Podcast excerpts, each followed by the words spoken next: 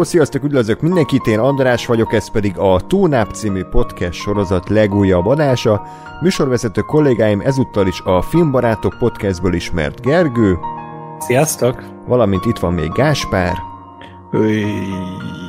És nagy örömünkre Lóri. Sziasztok! A mai témánk...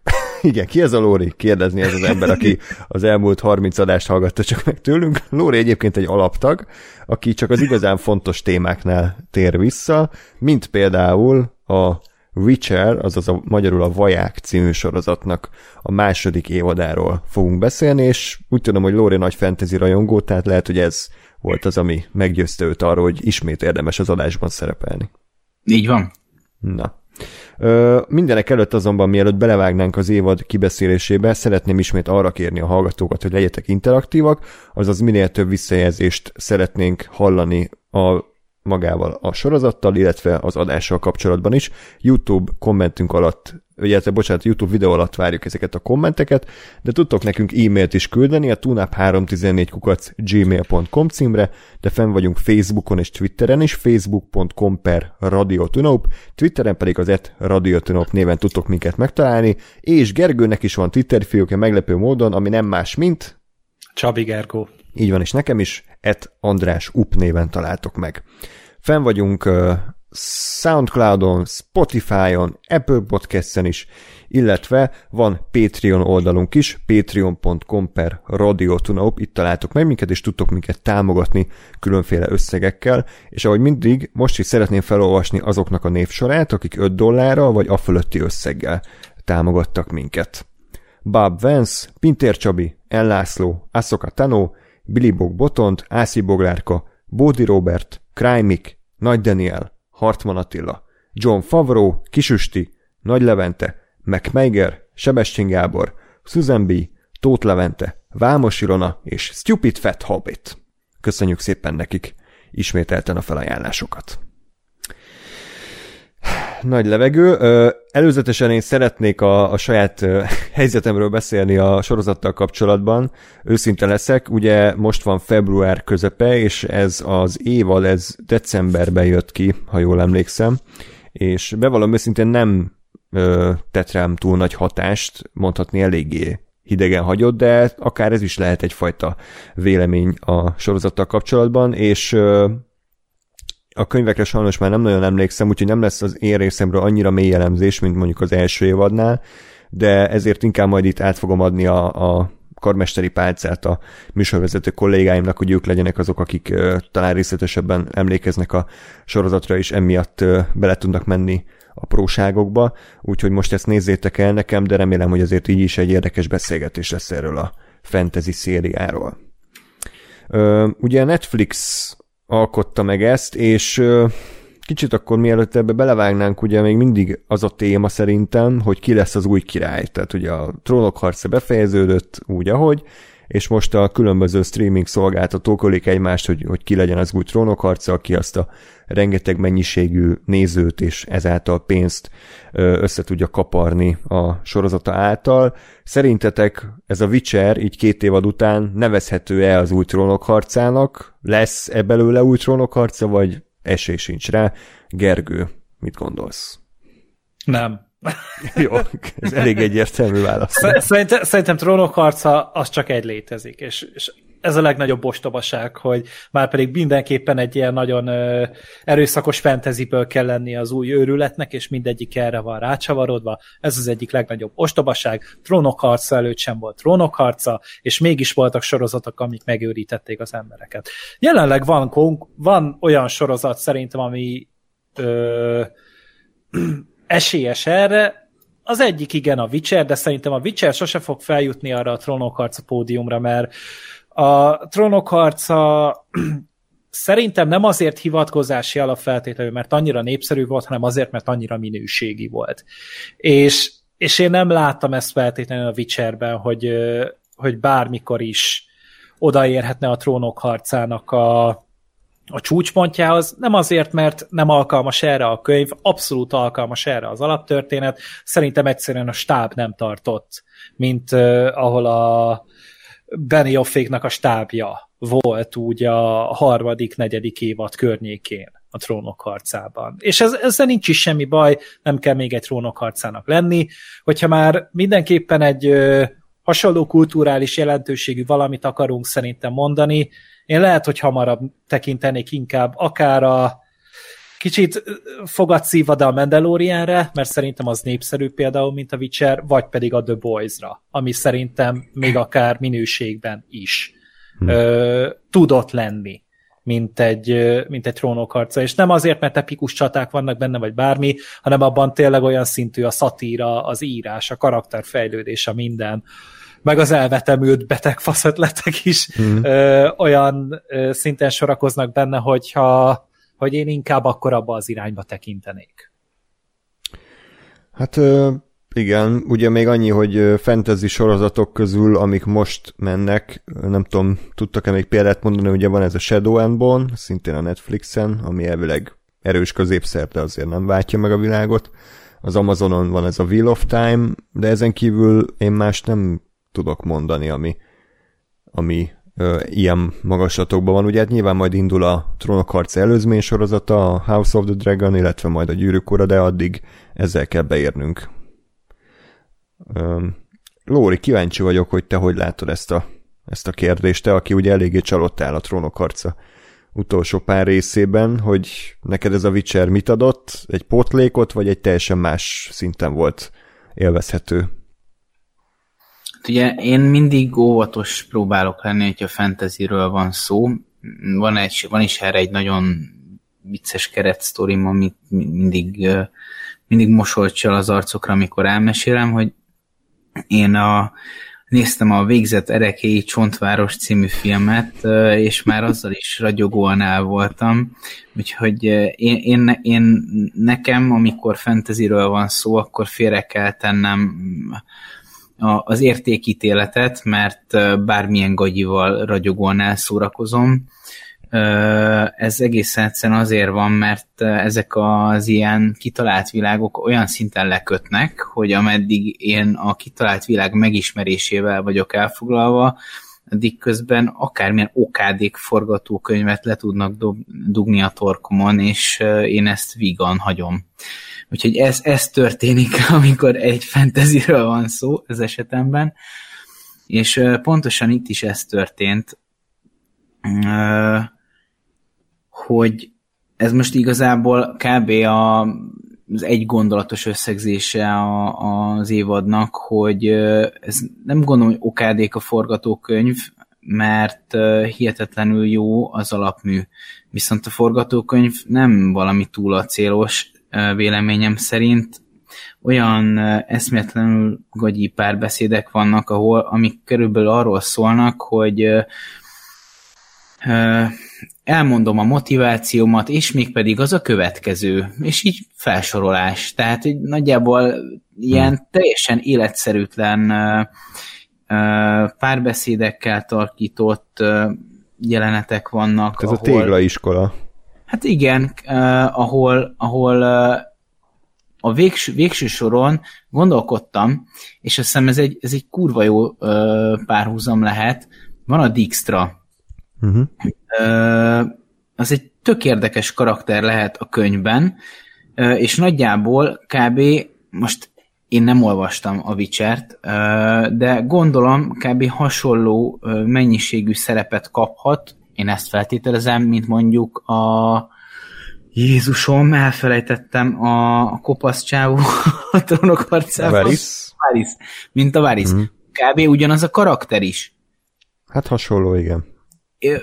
És, és míg, míg a Varyshoz már az első évad után egy ilyen hihetetlenül mm, nem tudom, tehát a Varys egy szimpatikus karakter volt, a maga módján uh, már az első olyan évadban, ahol, ahol megismertük és vártuk a jeleneteit.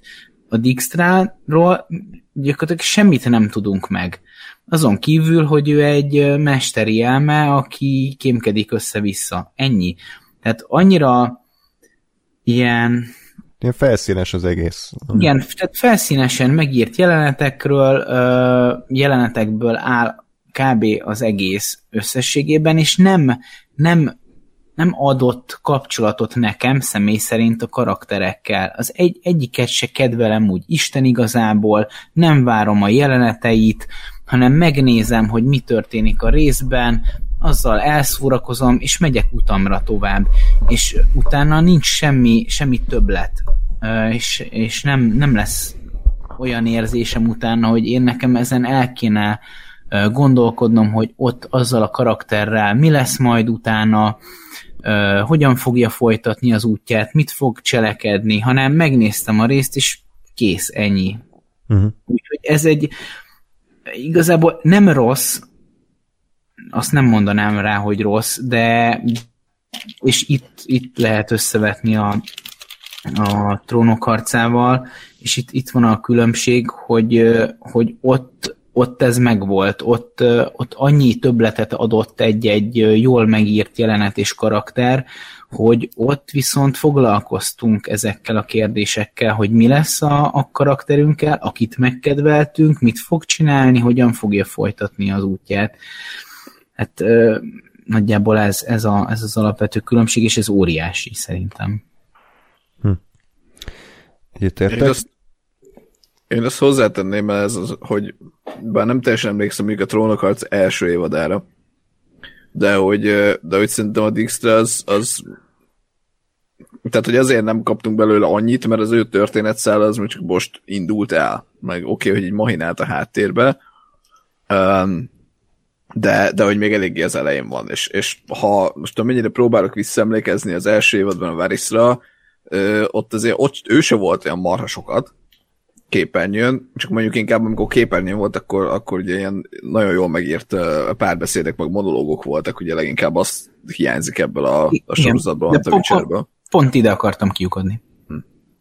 De hogy attól függetlenül szerintem ott van rá a lehetőség, nekem is egyébként ő volt a kedvencem ebbe az évadban, mert valahogy még az a nagyon kevés uh, screen time-ja is nagyon jó volt, hogy ugye azt éreztem, hogy itt, itt azért van egy karakter, meg még elég jól van eljátszva.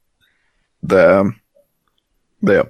Meg a, a generál kérdésre válaszolva, hogy a, a trónok harca utóda lesz-e, az a, abszolút Gergővel vagyok abban, hogy hogy nem túl sok értelme van így direkt próbálkozni azzal, hogy na most akkor mi megcsináljuk a következőt, mert, mert egyik ilyen nagy, nagy ö, esemény sorozat, vagy film, vagy akármi sem azért lett, mert úgy tervezték, hanem egyszer csak valamiért beütött. Tehát a legutóbbi ilyen az kb. a Squid Game volt, ami, tehát, hogy érted, ki, ki gondolta arra, hogy egy koreai ilyen Battle Royale-ról szóló sorozat lesz a következő ilyen nagy esemény sorozat. Hmm. Még sajnos a Mandalorian az ilyen lett, nem, hogy így nagy dolognak szánták, és nagy dolog lett, annak ellenére, hogy hát, szerintünk minőségileg szar. Jó, csak azért, igen, tehát mondjuk a trónok a minőség is ott volt. Igen. és, és ez nem elhanyagolható. De... a Squid Game-nél is mondjuk az is tök rendben volt, igen. tehát igen. ugye ott igen, is igen. nehéz volt haragudni, de, és ez, ez amúgy szerintem nem feltétlenül egy rossz arány, hogy három ilyen giga sikeres sorozatban amúgy kettőre egyértelműen rá lehet húzni azt, hogy amúgy minőségi, és pont arra harapott rá a közönség. Mm. Igen. Um, ja, és akkor Gásper, szerinted akkor ez a Witcher, ez, ez azért nem üt akkorát, mert nem ér fel a trónok harcához, vagy a saját mércéhez képes sem annyira kiemelkedő? Hát, na, ezt nehéz megmondani.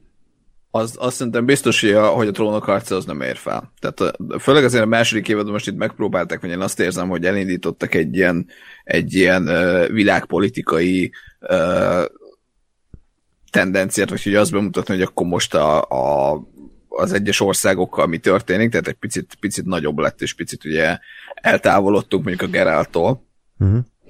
Ö, ami, ami tök jó, tök érdekes, csak nem volt túl jól előadva. Tehát engem, engem nagyon érdekelne egy, egy ilyen trónok harca szintjén megírt ö, történet ö, ebben a világban.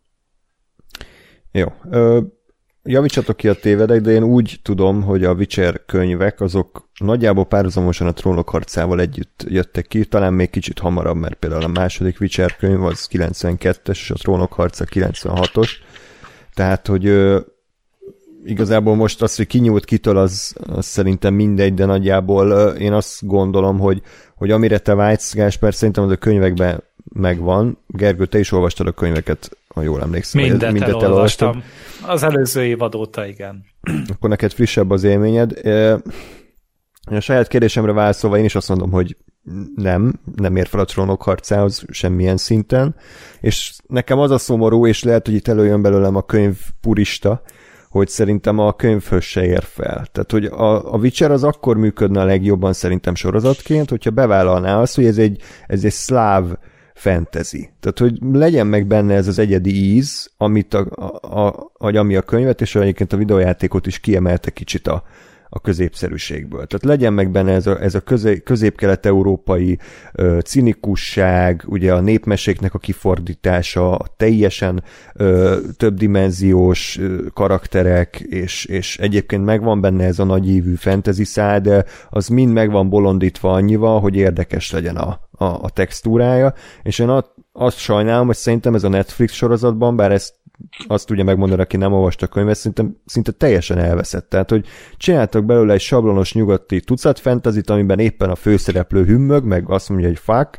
de ezen kívül nagyon kevés maradt meg abból, ami a Szapkoszki könyveket nagyját tette. Ez, a, ez az egyedi kelet-európai íz. Ezt mennyire látjátok? Hát az biztos, hogy finomítva volt a Szapkovszkinak a, a, az egész hozzáállása, tehát szerintem ahhoz képest azért finomodott ez a sorozat, hogy, hogy úgy mondjam. Kicsit olyan nyugatbarátabb lett, most valamiért a western jutott eszembe, de még nem feltétlen mondanám westernnek se a sorozatot, mert, mert talán odáig azért nem merészkedik el, de valóban azért az a, az a nagyon nyers sége az, az nincsen meg a történetnek, mert gondolom valószínűleg nem, nem lehetett volna az eredeti formájában ezt ekkora közönség sikerré formálni. Ö, tény, hogy szerintem a, például a Henry Cavill ő sokkal ö, beszédesebb Gerált például, mint amilyen mm. a könyvben, mert ott aztán tényleg szerintem összesen 20 leírt mondata van könyvenként kávé, tehát nem, nem, nem sok mindent ö, beszél, ami nem feltétlenül rossz, tehát ö, én azok közé tartozok, akik, akiknek nincs problémája azzal, hogy itt ez a második évad eléggé elrugaszkodott a, a könyvtől, tehát a második, harmadik könyvtől, amiből emelt be ugye elemeket, és, és ez önmagában elég is. A Witcher sorozat tényleg akkor kezd el egy kicsit sántikálni, amikor elkezded összevetni akár a, a könyvvel, akár a, a videójátékokkal, de mint a maga kis önálló dolgaként kezelve, teljesen rendben van. Aminek megvannak a maga kis problémái, hibái, de, de mint egy, egy random tévésorozat, amivel elé másfél-két évente leülünk, azt a szintet szerintem simán hozza. Hm. Ö, igen, talán egy, egyetértek valamennyire.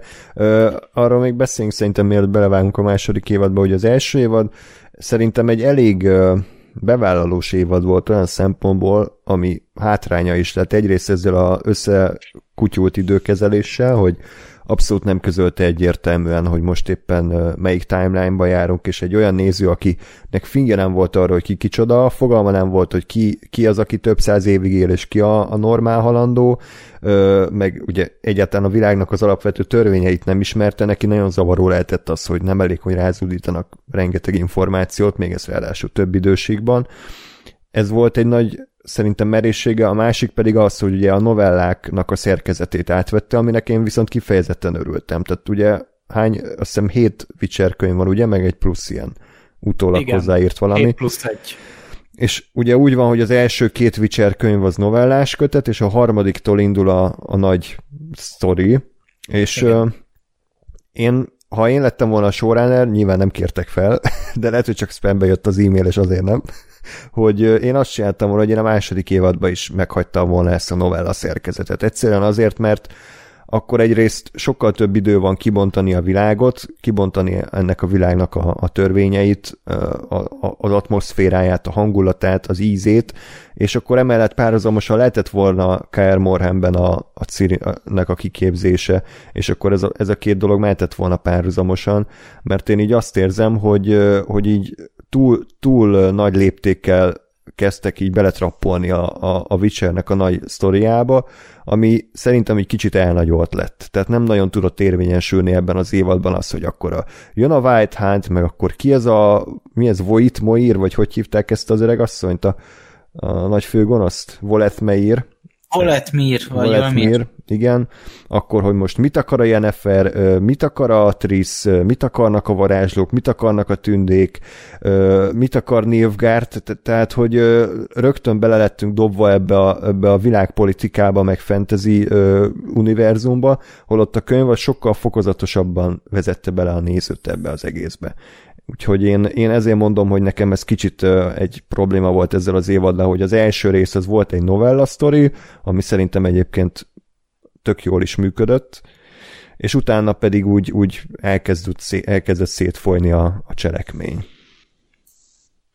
Ezt én is, én is uh, így, így éreztem elég erősen, kiegészítve ugye azzal, hogy ráadásul mondjuk Redániáról eddig szó nem volt vagy legalábbis nekem nem, nem tűnt fel, lehet, hogy mit tudom melyik város ott van, uh-huh. de hogy de hogy eddig nem, nem volt a korábbi évadban szereplő, és, és most itt tényleg előtt a semmiből, hogy ja, ők egyébként akkor itt izé mit mahinálnak, meg hogyan, hogyan akarják akkor így hirtelenjébe tudom én, magukévá, vagy elfoglalni szintre, vagy akármit.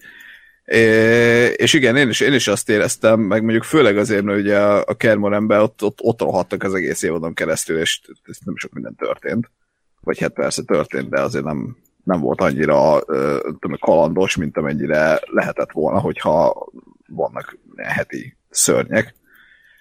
Ö, és egyébként ebbe, ebbe mondjuk tényleg a, az első évad az sokkal jobb volt, mert is, én is ö, ö, újra néztem, mielőtt elkezdtem a másodikat, és ott, és ott tök jó volt adagolva ez az egész. Másodjára egyébként sokkal követhetőbb a, a két idősig, sőt igazából abszolút követhető. De mégis, mégis ad neki egy plusz, plusz érdekességet, hogy oké, okay, amúgy most ilyen szörny van, vagy most olyan szörny, vagy most megismerjük az ezt, vagy az azt, karaktereket, helyzeteket, nem tudom, milyen frakciókat, és és sokkal jobban kibontakozott a világ, mint itt, ahol meg közben meg ez sokkal inkább szól a világról ez az évad, vagy sokkal inkább a jelen van a, a, a politika, meg a mahinációk, és közben meg egy olyan világban, amiről nem tudsz kevés semmit. Mm. Mert, mert a maga világ meg nincs bemutatva, vagy kibontva, egy felépítve. És ez, ez eléggé zavaró volt nekem is, bár ugye azért én nem olvastam a könyveket, nem játszottam a játékkal nagyon sokat, hárommal játszottam egy kicsit. Sok, so, nagyon sokszor megpróbáltam, és mindig valahogy így nem. De semmi bajom nincs vele, csak valahogy mindig vagy találok mást, vagy kijön valami játék, vagy megunom, vagy nem tudom, és igazából semmi baj nincs a hárommal, sőt. Gás pedig az izé generációs, hogy az attention spam ez túl kevés a Witcher ez, ez, ez, így van, csak az a baj, hogy, hogy ez, de ez minden, vagy egyre több játékkal így van sajnos, csak tehát a Witcher 3 azt így, így, nem az, hogy 40 óra után van ez, hanem így 10 után. Mm, tehát a tutoriál rész után. Hát körülbelül, igen, csak de azért, mert a tutoriált már 70 szer végig mm. játszottam, úgyhogy... Okay. Na, de majd egyszer. Na, de hogy, tehát, hogy mit akartam ez az egész? Igen, hogy azért nekem valamennyi információ mégis, mégiscsak van, vagy legalább mondjuk egy térképet rá, rá ránézek, és már egyre inkább azzal, hogy hiába nem olvastam, meg nem játszottam, azért így el tudom helyezni most már a sorozat, meg, a, meg a, az egyes ö, szösszenetek alapján, vagy az, hogy Andrástól egyszer megkérdeztem valamit, tehát azok alapján azért össze rakni, hogy ki kicsoda, és mi történik, és úgy egyáltalán. De, de ehhez tényleg kellettek ezek a, ezek a az egyéb külsős információk, és magából csak a sorozatból mondjuk nem gondolom, hogy ennyire és ilyen szinten össze lehet puzzle hogy most akkor mi a franca. Abszolút, de nem egyébként. Tehát én is, ami, amit így el tudok képzelni ebből a világból, az csak azért van, mert, mert érdekelt annyira, hogy még még a sorozaton kívül foglalkozzak vele. És uh, ilyen szempontból uh, a trónok harcának például az ikonikus uh, uh, intrója az, az, az egy nagyon érdekes dolog volt, mert hogy alapvet, alapvetően segített elhelyezni téged a, a térben. Főleg azáltal, hogy, hogy láttad a térképet, hogy, hogy hogy néz ki, és hogy azok, azokat a fő helyeket is bemutatta, ahol éppen az adott évadban történnek a, a, az események. Itt semmi ilyesmiről nincsen szó, és, és csak dobálóznak a helyekkel, mintha nekem tudnom kéne, hogy az hol van egyáltalán, és én tehát nem érzem azt, mint tehát a trónokharcánál inkább éreztem azt, hogy jó, nem kezelnek egy ilyen, egy ilyen tudatlan hülyének, akinek mindent a szájába kell rágni, és akkor mindent elmondanak, hanem hanem bedobnak a mélyvízbe, és akkor tanulj meg úszni, de ott működött, itt meg nem annyira. Tehát itt, hogyha ha nem érdekel a dolog, és nem nézek utána, akkor egy csomó mindent még ennyire se értenék, ahogy, mogy, ahogy most, és, és azt gondolom, hogy így is egész kevés dolgot értek. Hát pedig azért tegyük hozzá a trónok harcán ott a, a párbeszédek minősége. Nekem mindig, mindig a, az első évadnak a nem tudom én, első vagy második része jut eszembe, amikor a, a Robert Baratheon meg a Ned Stark megbeszélik a, a Robertnek a felkelését, amiből soha a, a X évad alatt szerintem soha nem látunk semmit. Vagy talán egyszer van valami, de, de szerintem nincs. Hmm, nem, És, nem. Tessék? Nem rémlik, hogy lett volna flashback. Hát, nem, nem, nem mert ez, meg. Igen, tehát ezért flashbackelünk csak amikor a, a, a Jon Snow ott hagyják, vagy hogy arról van valami látomás. Na, de hogy, de hogy, tehát, hogy soha nem látjuk a Robert felkelését, soha nem látjuk a Pike ütközetet, és mégis tudod, hogy volt ilyen, mert, mert megbeszélik, és beszélnek róla, és úgy ráadásul, hogy nem erőltetett. Úgyhogy ez, ez nagyon hiányzik a Witcherből.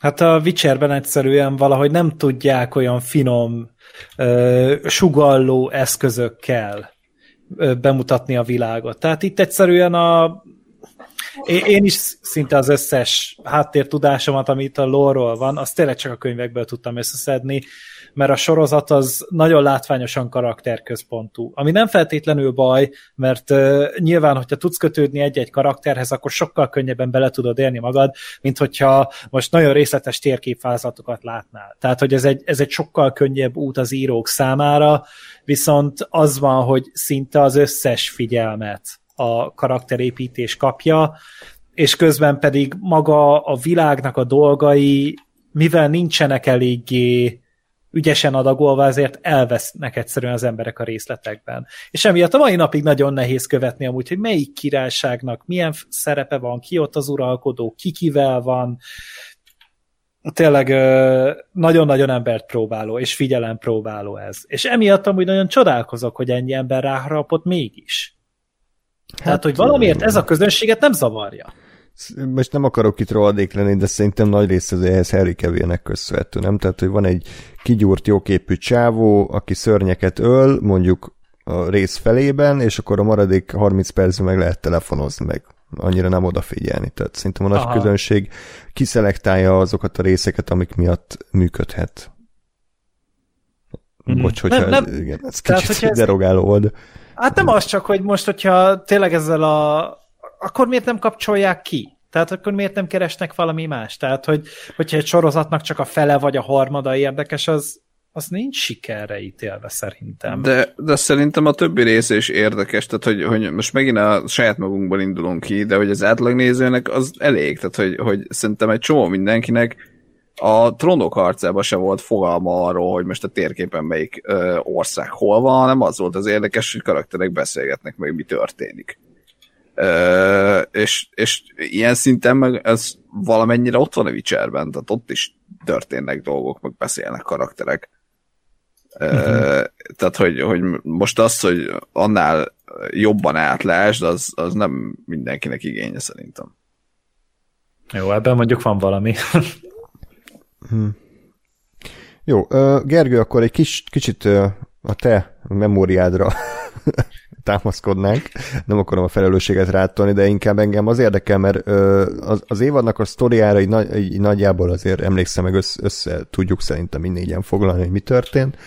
Engem az érdekel, hogy Gergő, hogy, hogy jól emlékszem, hogy körülbelül a 30%-ban van köze a könyvekhez, vagy 20%-ban a magának a sztorinak, mert alapszinten igen, de, de nagyon kevés köze van hozzá. Hát minél kevesebbet mondasz, annál jobb a szám szerint. Jó. tehát, hogy így ez a, Igen. tehát például már az első epizód, ö, ott például a, a Sirius soha nem bukkant fel. Tehát, hogy, hogy neki semmi köze nem volt a, az ottani eseményekhez, hogy ott találkozott ugye ez az elátkozott ö, fickóval a Gerált, és nem ismerte előtte soha. Ö, a Jennifernek a varázs soha nem tűnt el, tehát hogy ez, ez, ez abszolút sorozatos találmány. A, a lesik soha nem bukkantak fel a könyvben, ott csak emlegették a lesiket, de hmm. hogy, hogy így a játékban láttunk először lesiket. A, a könyvekben is csak emlegették őket, de nem jelentek meg aktívan. Ö, akkor ez a, a vadak ilyenkorán egyáltalán nem hmm. bukkantak fel, az utolsó könyves dolog abszolút. És ez az elfes, csecsemős gyilkosság hát, szinte messe volt egyáltalán. Az is, az is full fantázia hmm. volt, meg, meg ez a, ezek a obszidián monolitok, vagy nem tudom mi a faszomok voltak ezek, tehát hmm. hogy ez is, ez, ez is teljesen sorozatos találmány. Meg hát K.R. Moren, az egész évad K.R. Morenben játszódott, a könyvekben szerintem kb. száz oldalon van. Összesen a nyolc kötetből. K.R. Moren, és lehet, hogy sokat mondtam így is, tehát, hogy nem, nem nagyon van uh-huh. Mhm. K.R. Moren emlegetve, vagy szerepeltetve a könyvekbe. Tehát ezek itt mind-mind olyan dolgok, amik amik, amiket így a, a showrunner rántott elő, meg az, a teljes kreatív csapat. Tehát ez a, a, a története a harmadik könyvnek az így kb de tényleg ilyen egy epizódot tett ki mm. ebben a sorozatban.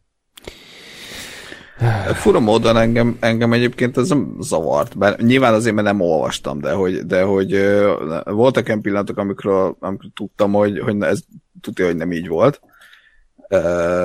Ez kell konkrétan.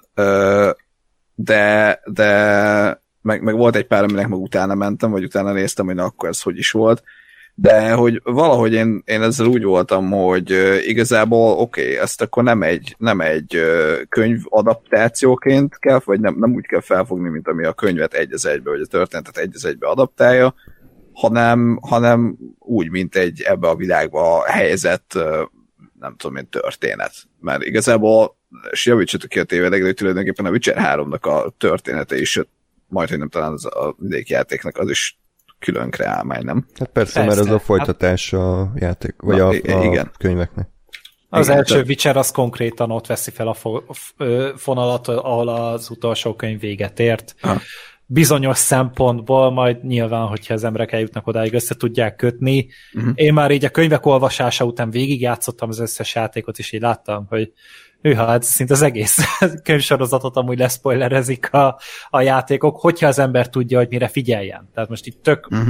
vakon, mindenféle előtudás nélkül, de nem jössz rá, hogy ezek erre meg arra utalnak. Úgyhogy ebből a szempontból a CD Projekt amúgy nem rontja el a szórakozást egyáltalán. Uh-huh. A másik dolog meg, amit így mondani akartam, hogy én amúgy ezt abszolút nem bántam, hogy ennyi mindent a, az írók raktak hozzá, mert így nekem is izgalmas maradt. Én nekem volt egy csomó új információ, amire nem csak így egy noteszben pipálgattam, hogy igen, megvan, benne van, benne van, jó, mehetünk tovább, hanem így néztem, hogy ez, ez nekem is újdonság, és nekem így volt valamennyi izgalma ugyanúgy. És nem csak egy ilyen ellenőrként ott nézelődtem, hogy na, minden úgy nézzen ki, hogy annó a Szapkowski megírta. Mert hogyha erre vágyik az ember, akkor olvassa el újra a könyvet. Tehát azért mm. nagyon fölösleges adaptál. I, persze, egyetértek abszolút, és én is utálom azokat az embereket, akik, akik azért fikáznak egy filmet vagy sorozatot, mert nem tökéletes adaptációja a könyveknek, vagy nem is, hogy adaptáció, hanem nem tökéletesen ugyanaz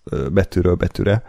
De ez főleg a trónok harcán idegesített, amikor valaki ezzel háborgott, hogy de ez a jelenet, ez nem is volt a könyvben, és mekkora hülyeség.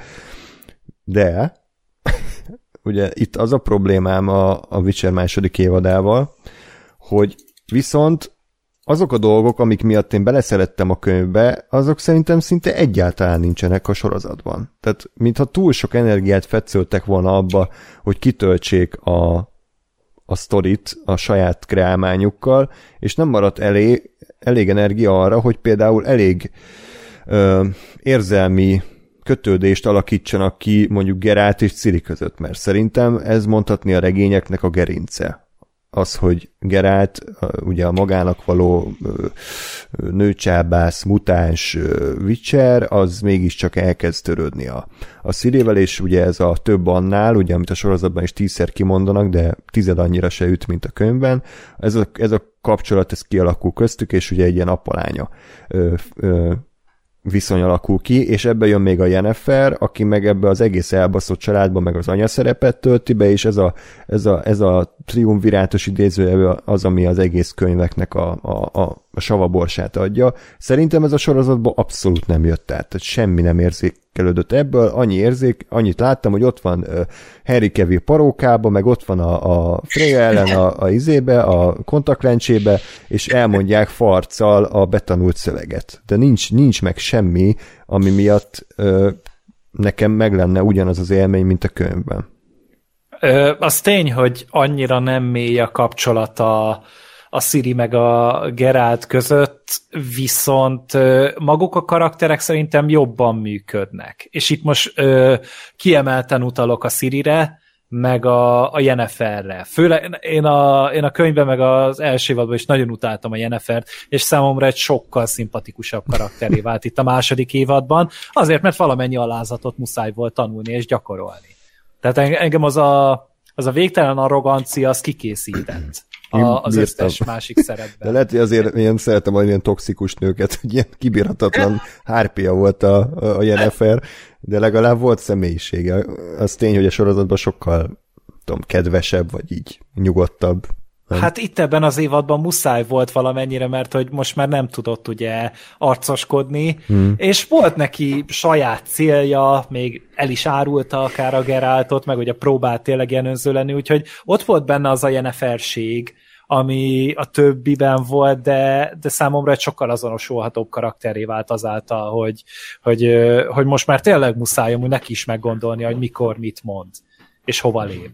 És a Siri ő meg szintén valahogy egy fokkal kevésbé lett idegesítő, ami már egy nagy dolog amúgy. Mm-hmm. Jó, tisztelem a véleményedet. Ez is egy nézőpont. Akkor beszélnek azok, Újabb álláspont hangzott. Beszélnek azok, akik nem olvasták a könyvet, és nem volt mihez viszonyítaniuk. Szerintetek mennyire működött ez a, ezek a karakter közti kapcsolatok, tehát hogy érdekes volt, vagy középszerű, vagy rossz? Hm, középszerű. Rossznak talán nem mondanám, de, de abszolút nem átél, átélhető, vagy átérezhető. Én sosem, vagy egy, egy új ideje nem tudok azzal egyetérteni, azzal az állásponttal, hogy minden, hogy, hogy nem jó az, hogyha nem tudok azonosulni valakivel. Hát vannak nyilvánvalóan azonosulhatatlan karakterek, attól még lehet egy történet jó. Úgyhogy ez, ez, ez nem probléma, de itt a nehézség elsősorban az, hogy a, a főhős és most a Geráltra gondolok, ő alapvetően egy viszonylag szófukar csávó, és elsősorban belső monológokkal operál, amennyire én tudom a regény. Na hát ezt így viszonylag nehéz átadni. És ebből kifolyólag én meg én meg igénylem azt, hogy, hogy, hogy legyenek dialógusok, és a dialógusokon keresztül értsem meg a motivációkat. Én nem feltétlenül annyira értek rezdülésekből, úgyhogy ezért sem feltétlenül a színészi játék mindig a, a, a legfontosabb dolog nekem egy, egy történetben, hanem inkább a, inkább a dialógus. Szóval hát nem tudom, itt, itt, itt erősen voltak problémáim, pont abból kifolyólag, amit korábban is említettem, hogy azt gondolom, hogy borzasztóan szegényesek a, a, a párbeszédek Hm. Gáspár? Én, én azt érzem nagyjából, amit te mondjuk főleg azért, mert tehát azt tudtam, hogy mit kéne, vagy minek kéne lennie, tehát az, hogy az, az hogy a, a Geralt, ugye a, a Sirit azt valamiért mégis, aki kvázi a lányával fogadja, meg, meg ugye a, a, a Jennifer is ott van ebben az egész történetben valahogy, azt, azt tudtam, hogy ez megvolt de, de azt én se éreztem, hogy ez miért történik, vagy hogy ez, ez így organikusan kialakult van a sorozatban, ami, amit én szintén azt gondolom, hogy azért, mert még kellett volna egy évad, ami, ami alatt ez kialakul. Mert itt, itt de már mert alapvetően az, az nem volt meg, vagy azt nem értettem, hogy a, a Geralt az hirtelen miért, tehát miért lett neki fontos a Siri úgy egyáltalán. Tehát, hogy ő miért, miért ö, ö, mondta azt, hogy jó, igen, megyek, és jó, igen, megkeresem, és megvédem, és izé, miközben meg ö, ugye eredetileg bármennyire is volt ez az egész low surprise, ő így azt mondta, hogy jó, hát soha nem fogok visszamenni szintrába, és nem azért baszok ki velük, hanem hagyom őket békén, és akkor nincs ez a hülyeség, hogy nekem kell adniuk a gyereküket és aztán mondom, ehhez képest hirtelen nagyon fontos lehet, hogy, hogy ő megvédje, amit még, még akár azt is mondom, hogy jó, ez még bele is férne, de aztán a Jennifer is megjelent, és, és köztük se volt semmi, hanem, hanem és ráadásul ugye nem tudom, három négy évadon keresztül a Jennifer ez igazából el akarta kapni a Sirit, és, és kvázi ellenük dolgozott, aztán az hogy találkoztak, így meglátta, és ja, ja, ja, hát jó, hát akkor nem Hmm. És ez, ez, na, ez, ez volt nekem a leginkább ilyen nyögvenyelős, hogy így, így hirtelen legyen fel a semmibe uh, azt mondta, hogy ja, jó, hát akkor igazából én is meg akarom védeni, és ebben nem volt semmi semmi uh, emberi szál, vagy semmi organikusság, hogy ő, ő hogyan, vagy az ő véleménye hogyan változott meg, vagy az álláspontja. Akkor erről beszéljünk, mert ez egy érdekes változtatás volt a könyvben. Ugye akkor maga a fő sztori szál az az, és akkor javítsatok ki, hogyha hülyeséget mondok, hogy van ez a Voleth Meir nevű ősi démon, aki abba a kunyhóban él az erdőbe, és ez igazából így megszállja az emberek gondolatait, és, és a félelmüket kihasználva próbál ugye erőre szert tenni, és Jenniferrel ugye azt az alkut köti, hogy elviszi neki Sirit, és cserébe Jennifer pedig visszakapja a varázserejét, amit ugye elveszített a, a Soddeni csatát követően, ahol azt a tűzmágiát használta. És ö, ugye ez egy hatalmas idézőjelbe karakterárulás a könyvekhez képest, ahol semmi ilyesmi nincsen. Ö, de én ezzel pedig az azt gondolom, hogy, hogy ez nem feltétlen baj, mert a, a sorozatbéli Jennifernél ez, ez oké. Okay. Ez rendben van, hiszen a sorozatbéli Jennifer, ugye főleg az első évad ment rá erre, hogy ő konkrétan a saját testét és a saját termékenységét áldozta fel azért, hogy varázslónő lehessen. Ugye azt hiszem kivették a méhét, nem ez volt, hogy Igen, ilyenek, hogy átműtötték. És akkor nyilván... nem úgy. és akkor nyilván most emiatt ezek az anyai ösztönek már annyira nincsenek meg benne, és akkor mindent feláldoz azért, hogy, hogy visszakapja ezt, amiért annyit küzdött, és annyi, annyi kint élt át. De nekem működött aztán ez a, hát nem tudom, hogy egyáltalán nem mély mondani való, csak ez a gondolat, hogy, hogy ahhoz, hogy valaki szülővé válhasson, jó szülővé, fel kell áldoznia szinte mindent hogy, hogy a gyerek boldogulhasson. És itt igazából ez, ez, ez tetszett nekem ott a Jennifer ö, döntésénél, még hogyha el is volt kapkodva, ez az underlying gondolat, hogy, hogy ö, le kell mondani a saját önző és mohó vágyairól azért, hogy, hogy, hogy a gyereke jövőjét biztosítsa, ez szerintem a mindennapi életben is egyébként egy, egy komoly ö, kérdés, és ugye sokszor ugye ez problémához is vezet, amikor a szülő ö, nem érdekli, hogy a gyerek boldog legyen, hanem továbbra is a saját önző érdekeit nézi. Úgyhogy szerintem ez egy, ez egy olyan jó gondolat, ami nem tudom, hogy a könyvben mennyire volt benne, nem tudom, Gergő, ebbe tudsz esetleg segíteni, tehát csak a sorozathoz írták, és ezzel nekem speciál nem volt bajom. Az már bajom volt, amit már mondtam, hogy, hogy viszont ö, ez ez meg azt eredményezte, hogy abszolút nem alakult ki semmilyen viszony a, a Siri meg a, a Jennifer között, tehát hogy ők nem ismerték egymást korábban, akkor a Jennifert miért érdekelné ez a random szőke csaj, és miért? Hát csak azért, mert a Gerált szereti. Csak így viszont nem biztos, hogy én ezt elhiszem, hogy, hogy a Jennifer az csak azért, mert a Gerált szereti a Sirit, lemondana erről a varázserőről. Hát igen, meg tehát itt a Gerált meg a Jennifer kapcsolata sincsen olyan jól kezelve. Mm, igen. Mert, mert hogyha mondjuk tényleg az a amit ugye a, az első évadban is, meg az összes könyvben amúgy azért úgy próbáltak erőltetni, hogy ők így nagyon-nagyon oda vannak egymásért, de erről főleg beszélnek, és nem ja. mutatkozik meg ez annyira sajnos ebben a formában. A játékban szerintem tök jól elő van amúgy adva ez az mhm. egész, hmm. meg ugye ott a, az egész vonzalmuknak a természetét ugye fel lehet göngyölíteni egy ponton, és de hát ugye az, az megint csak egy másik fajta történetmesélés, amit ott csináltak. Itt az van, hogy, hogy, hogy egyszerűen hiányzik az az elegancia a, az írásból, a, a szövegkönyvből, a, az egész jeleneteknek a rendezéséből, amivel amúgy az ilyen szótlan és keveset beszélő és nagyon zárkózott karaktereket amúgy be kéne tudni mutatni. Ugyanez a problémánk a Book of Boba Fettel, meg a Mandaloriannel is, és, és a, a Witchernél is talán a viszonyok nincsenek olyan jól kezelve, de maguk de legalább tényleg a Witchernek azért a mentségére szólja, hogy önmagukban a karakterek viszont amúgy teljesen rendben vannak.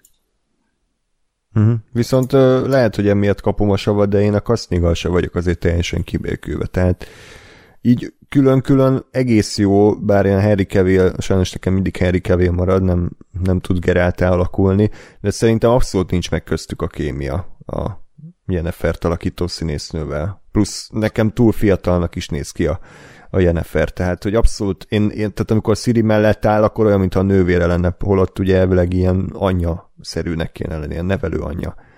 Hát elvileg a Trisszel tekintik egymást izé nővéreknek, ugye a Siri, mm. talán, tehát ugye Igen. arról beszélgettek. Szerintem a Harry Cavill tök jól csinálja azt, amit, és úgy én, én nem a Henry Cavill-t látom benne, tehát nem ismerek rá például a Superman-re, vagy a, a Mission Impossible Fallout-os karakterére, például. Tehát itt nem, csőr, nem tölti csőre az ökleit. Igen, meg a baj, bajsza is kevesebb van viszont. Milyen lett volna, ha úgy szúrja le azt a repülő, nem tudom micsodát. Na mi volt az? ja. Nem tudom megjegyezni ezeket a neveket. A is örülök, hogy megegyeztem. Van, nincs mi volt. De, de szóval, tehát a Henry cavill nincsen probléma az. egyáltalán ebből a szempontból. A Jennifernek a színésznője viszont tényleg nem remekel. De nála vannak rosszabb színészek is szerintem ebben a sorozatban. Ez a, ez a dicséret, hogy szar vagy, de van nálad szarabb. Úgyhogy gratulálok. Igen, Good tehát, hogy lehet még rosszabb is. Én a, én a Fringillának a színésznőjében oh, hát, voltam kibékülve. A szörnyű volt. Tehát egyszer, egyszer annyira nem volt semmilyen karizmája annak a színésznek, hogy, hogy nem igaz, és, és ráadásul sajnos, hogy ugye ilyen kvázi főszereplővé volt előléptetve hmm. Ebben az évadban, hogy elég sokat tikkelt a szemem. Igen. Ja, Gás Lóri ehhez valami? Ez a mert ugye Gás, te már pedzégetted, hogy neked annyira nem működött ez a, ez a Jennifer terve, meg hogy akkor így szembe megy. Akkor ez tényleg így van? Tehát, nem hazudtam. akkor jó. Plot twist. Surprise. Uh, nem, a, a, az, a, az a bajom ezzel az évaddal, hogy egy csomó része így papíron leírva, összefoglalva, az tök jó vagy tök jól lehetne. Csak annyira felszínesen van megírva ténylegesen, hogy emiatt nem jó.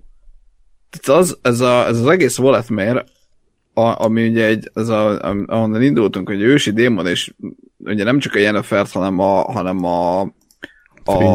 Fringillát, meg a, a zárójel. Én azt hittem, hogy, a, hogy, hogy annál lejjebb, hogy a, a Dűne főszereplőjét Polnak hívják, nem lehet menni, de Na. lehet a, a Francesca nevű tündével. Tehát én ezt, ezt nem tudom feldolgozni, hogy egy tündét miért hívnak Francescának. De a Francesca az a tünde királynő? Igen. Aha, ja. De ő is akkor ezek szerint egy sorozat karakter? Nem, nem, ő... Ő, ő van a könyvben. Igen. Van. Csak nem Én- ilyen minőségben. Én ezt, én ezt nem, nem tudom feldolgozni, hogy... Egy, jobb, mint a és- kere, Keren lett volna, vagy nem tudom. Hát, de hogy körülbelül Phyllis. szint, de, de még ha, még ha nem a királynő lenne, de hogy ráadásul a legnagyobb izé, nem, tehát Francesca bazd meg. Na jó, zárója bezára. Jó. Tehát, hogy, hogy az a, az a storyline, hogy a Volatmer az ugye egyszerre három nőt, három különböző ö, irányba mahinál, és, és gyakorlatilag ő mozgatja ezt az egész évadnak a történéseit, az papíron egy kibaszott jó ötlet, és szerintem ez, ez eszméletlenül jó lehetett volna, ha aztán ezek a szálak jól vannak megírva. Hogyha jobban látom azt, hogy a, a, a Jennifer az, az vívódik-e magával, vagy mi történik, még mondjuk talán az ő szála volt a leg, legjobb, mert ö, mert ugye ez, hogy elveszíti az erejét, és azt akarja visszaszerezni, azt szerintem egy eléggé közérthető dolog. Tehát azt nem kell nagyon ennél jobban magyarázni. Azért a Fringilánál, meg a Francescánál ott azért jobban rezgett a lét, még a Francesca is követhető, de a Fringilla azt szerintem az ott a legkevésbé értelmezhető módon távol vagy ott mi történik velem. De na, tehát, hogy ez, ez az ötlet szerintem baromi jó, csak, csak aztán nem volt ö, túl jól megírva, és, és igen, és pont ezt éreztem a Jenniferrel kapcsolatban is, hogy jó, értem, hogy mit akartak, csak én meg aztán közben azt nem érzem, mert, mert kellett volna sokkal több ilyen karakter fejlesztő jelenet, epizód, történet, akármi, hogy, hogy ezek a karakterek életre keljenek. Ja, és hogyha már karakterek, akkor nagyon kíváncsi vagyok, hogy mit szóltok a, a regény egyik fan favorit karakteréhez, akit szerintem a sorozatban eléggé meggyaláztak, Triss. Tehát, hogy mi- lett, mi lett Trissből? Lóri, hogy foglalnád össze Triss jellemvonásait és szerepét a sorozatban? A fele se tudja. Ülj le, fiam, egyes. De várjál, de Lóri, te tudod, hogy ki a Triss azért? Igen, Google, Google gyorsan. Nem, nem, Nem, hosszú nem, esszel írják. Tényleg tudom, csak nem tudom összefoglalni, hogy, hogy mi az ő karaktere sorozat alapján. Uh, tehát ugye annyi, annyi van meg ebben az évadban, most nem emlékszem, hogy az első évadban előtűnik-e. A, ebben az évadban uh, Kermorenben ott van a, a, a Ciri mellett, és ö, kvázi a, az anyja, vagy a nővére, vagy bármi, érted? Tehát aki, aki így kvázi megvédi a, a sok tirpák vajáktól a Cirit. Ennyi. Meg miután rájön, hogy, hogy sokkal nagyobb erő lakik a Ciriben, mint ő gondolta volna, utána így rohan a tiszájához, hogy, hogy ezt az információt átadja a, a mágusok tanácsának. Ja, Ennyi. tehát inkább ilyen plat, tehát hogy cselekményben van ö, szerepe. A, kb. ennyi. Szerintem emberileg egy nagy nulla az egész, ö, teljesen értelmezhetetlen önmagában a, az egyéb információk nélkül az a jelenet, hogy ő most miért akar dugni a Geráltal, tehát így ö, Hát igen. Az nekem azért volt felborító, és Gergő segíts, hogyha tévedek, de az évadban ő tudta, hogy a Jennifer él, nem? Ők legjobb Igen. barátnők, és ugye Jennifer visszatért a, a A betűs ö, mágus palotába, ö, a retúza, igen. a Retúzába, ott interaktáltak is, és utána a Triss elkezd kurválkodni a Geráltal, Kermorhenbe úgy, hogy tudja, hogy a legjobb barátnője ilyet. Tehát ilyet oké, okay, hogy ez egy másik karakter, mint a könyvben, de így a, a sorozat karakteréből sem néznénk, hogy ezt miért csinálja. Tehát abszolút nem jött át, hogy mit tudom én, halálosan szerelmes a Geráltba, vagy a Jenniferrel akar kibaszni, vagy miért, miért csinálja ezt. Hát szerintem így ebben a sorozatnak a világában valahogy a mutánsoknak azonnal ilyen nagyon durva feromon kibocsátása van, ami miatt mindenki be akarja kapni a farkukat. És, tehát, sa- sajnálom, tehát egyszerűen egy olyan megmagyarázhatatlan ö, vonzerő lengi őket körül, így a karaktereknek az elmondásai szerint, ami számomra felfoghatatlan, hogy mi, mi van ezzel, de te, csak azt tudom elképzelni, hogy ez ennyire fentezi, hogy, hogy valami nagyon durva. feromon kibocsátásuk van. Én azért ezt a, ők legjobb barátnőket se nagyon jött át a könyv alapján, tehát hogy így, vagy a sorozat alapján, nekem legalábbis, mm. tehát hogy így persze ismerték egymást, de megint csak azt mondom, hogy azért hiányoztak, hiányzott bármi olyan uh, ilyen karakterépítő pillanat, amiből én ezt látom, vagy elhiszem, hogy ők ők uh, tényleg ennyire jóban vannak. Nekem egyébként a Triss nem, nem volt zavaró, vagy nem tudom, engem, engem nekem egy el volt, hogy, vagy én el voltam vele, hogy volt egy ilyen, egy ilyen nem tudom én, kedves, kedvesebb karakter, aki, aki mondjuk segíteni akar a Szirinek, vagy nem, nem a saját ö, önző céljait akarja megvalósítani, vagy a saját hatalmát akarja visszakapni, ugye ez a, az a Yennefer. Ö, úgyhogy, úgyhogy nekem ő egy kvázi működött, de, de te, teljesen egy ilyen mellékkarakterként, és, és én is úgy voltam, hogy jó, tudom, hogy ő neki egy karakternek kéne lennie, mert mondjuk ismerem a nevét, de, de, de hogy az annyira nem, nem volt fontos, vagy nem volt, nem hmm. itt akkor a szerepet. A könyvben volt egy ilyen plusz, ilyen nagyon kínos feszültség mindig, amikor ugye négyen voltak ott, hogy, hogy ez egy tényleg ilyen elbaszott család. Tehát, hogy a, a Gerált meg a Jennifer se veled se nélkület kapcsolatban vannak, a Triss az halálosan szerelmes a Geráltba, és dugtak is régen, de úgy, hogy közben a, a Jenniferrel legjobb barátnők, akkor a, a Sirinek igazából a Jennifer az olyan, mintha az anyja lenne, de egy csomó ideig a Triss nevelte, amikor a Kaer volt, és akkor ő megint ha a nővére lenne, tehát ilyen nagyon, nagyon kínos, nagyon érdekes dinamika volt ez, és én ezt sajnálom, hogy abszolút nem jött át a sorozatot. Tehát tényleg ezek azok a dolgok, amiket hiányolok, mert most nem érdekel, hogy Volet mer van, meg nem érdekel, hogy most a, az elfek mit szerencsétlenkednek szintrába, csak, csak ez az a plusz kelet-európai íz, amit kicsit hiányoltam a, a Netflix-től. Sajnos. Hát igazából a sorozatnak az egész ö, mentalitását csak annyival lehetne jellemezni, hogy a, itt a monogámiát senki nem érti. Igen. Igen.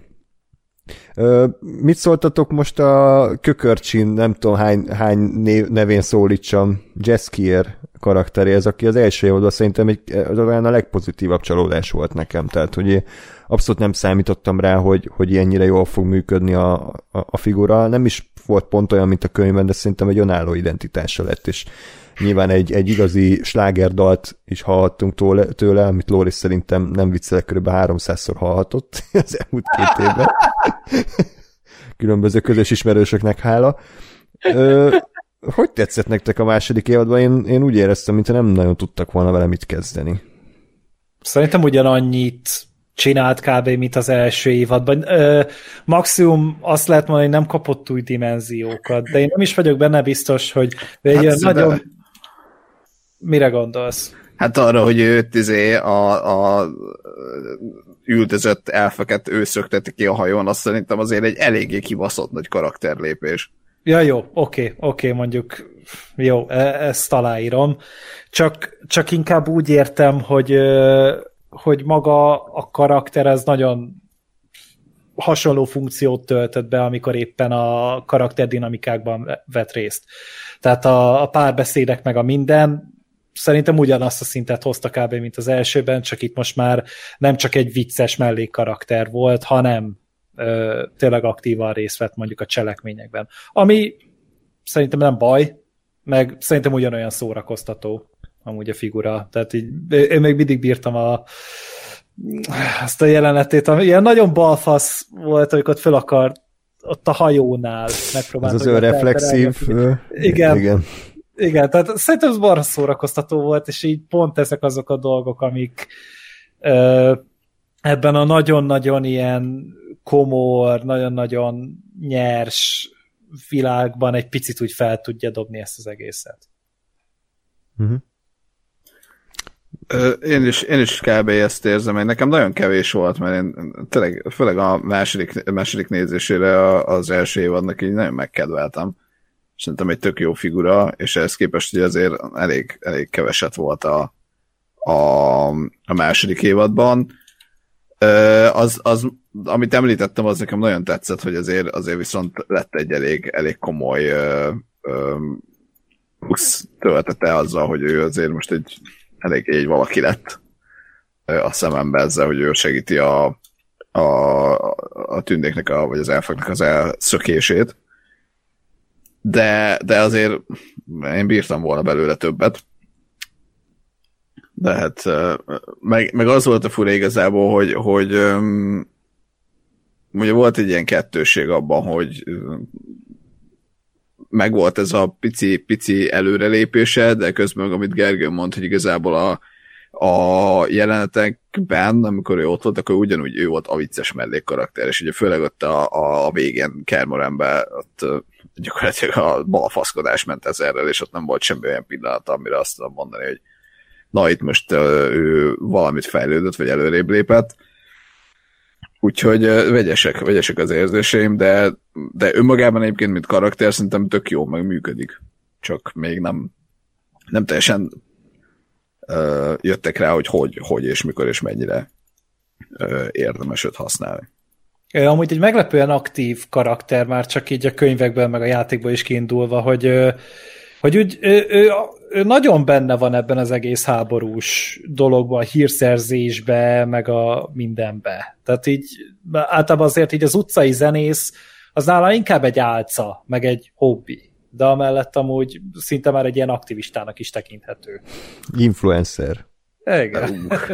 Igen, de szerintem, szerintem ez tök jó gondolat egyébként. Ez már, a, már alapvetően a, a, az első évadban is nagyon tetszett az a, az a szál, hogy ugye a, a Geráltot azt mindenki utálta, vagy hát ugye a vicsereket mindenki utálta, és akkor ő így beállt a piárosának, hogy figyelj haver, azért, látom, hogy te mit csinálsz, segítek neked azzal, hogy, hogy énekelek rólad, és, és slágereket írok, és akkor jobban szeretnek az emberek, és azt valamennyire láttuk is, hogy ennek volt haszna, tehát hogy tényleg a, a Gerát egy sokkal pozitívabb figura lett a, a, a köz szemében, és, és nekem ez, a, ez az elképzelés is nagyon tetszik, hogy, hogy ezt tovább viszi, vagy valahogy ezt a vonalat erősíti a, azzal, hogy akkor őt, nem tudom én, kémked, dik, meg, meg ilyen politikai aktivista, közben meg ugye a, a, a, az álcája az, hogy továbbra is ez a balfasz karakter, akit szerencsétlenkedik, meg nem tudom, vicceseket mond,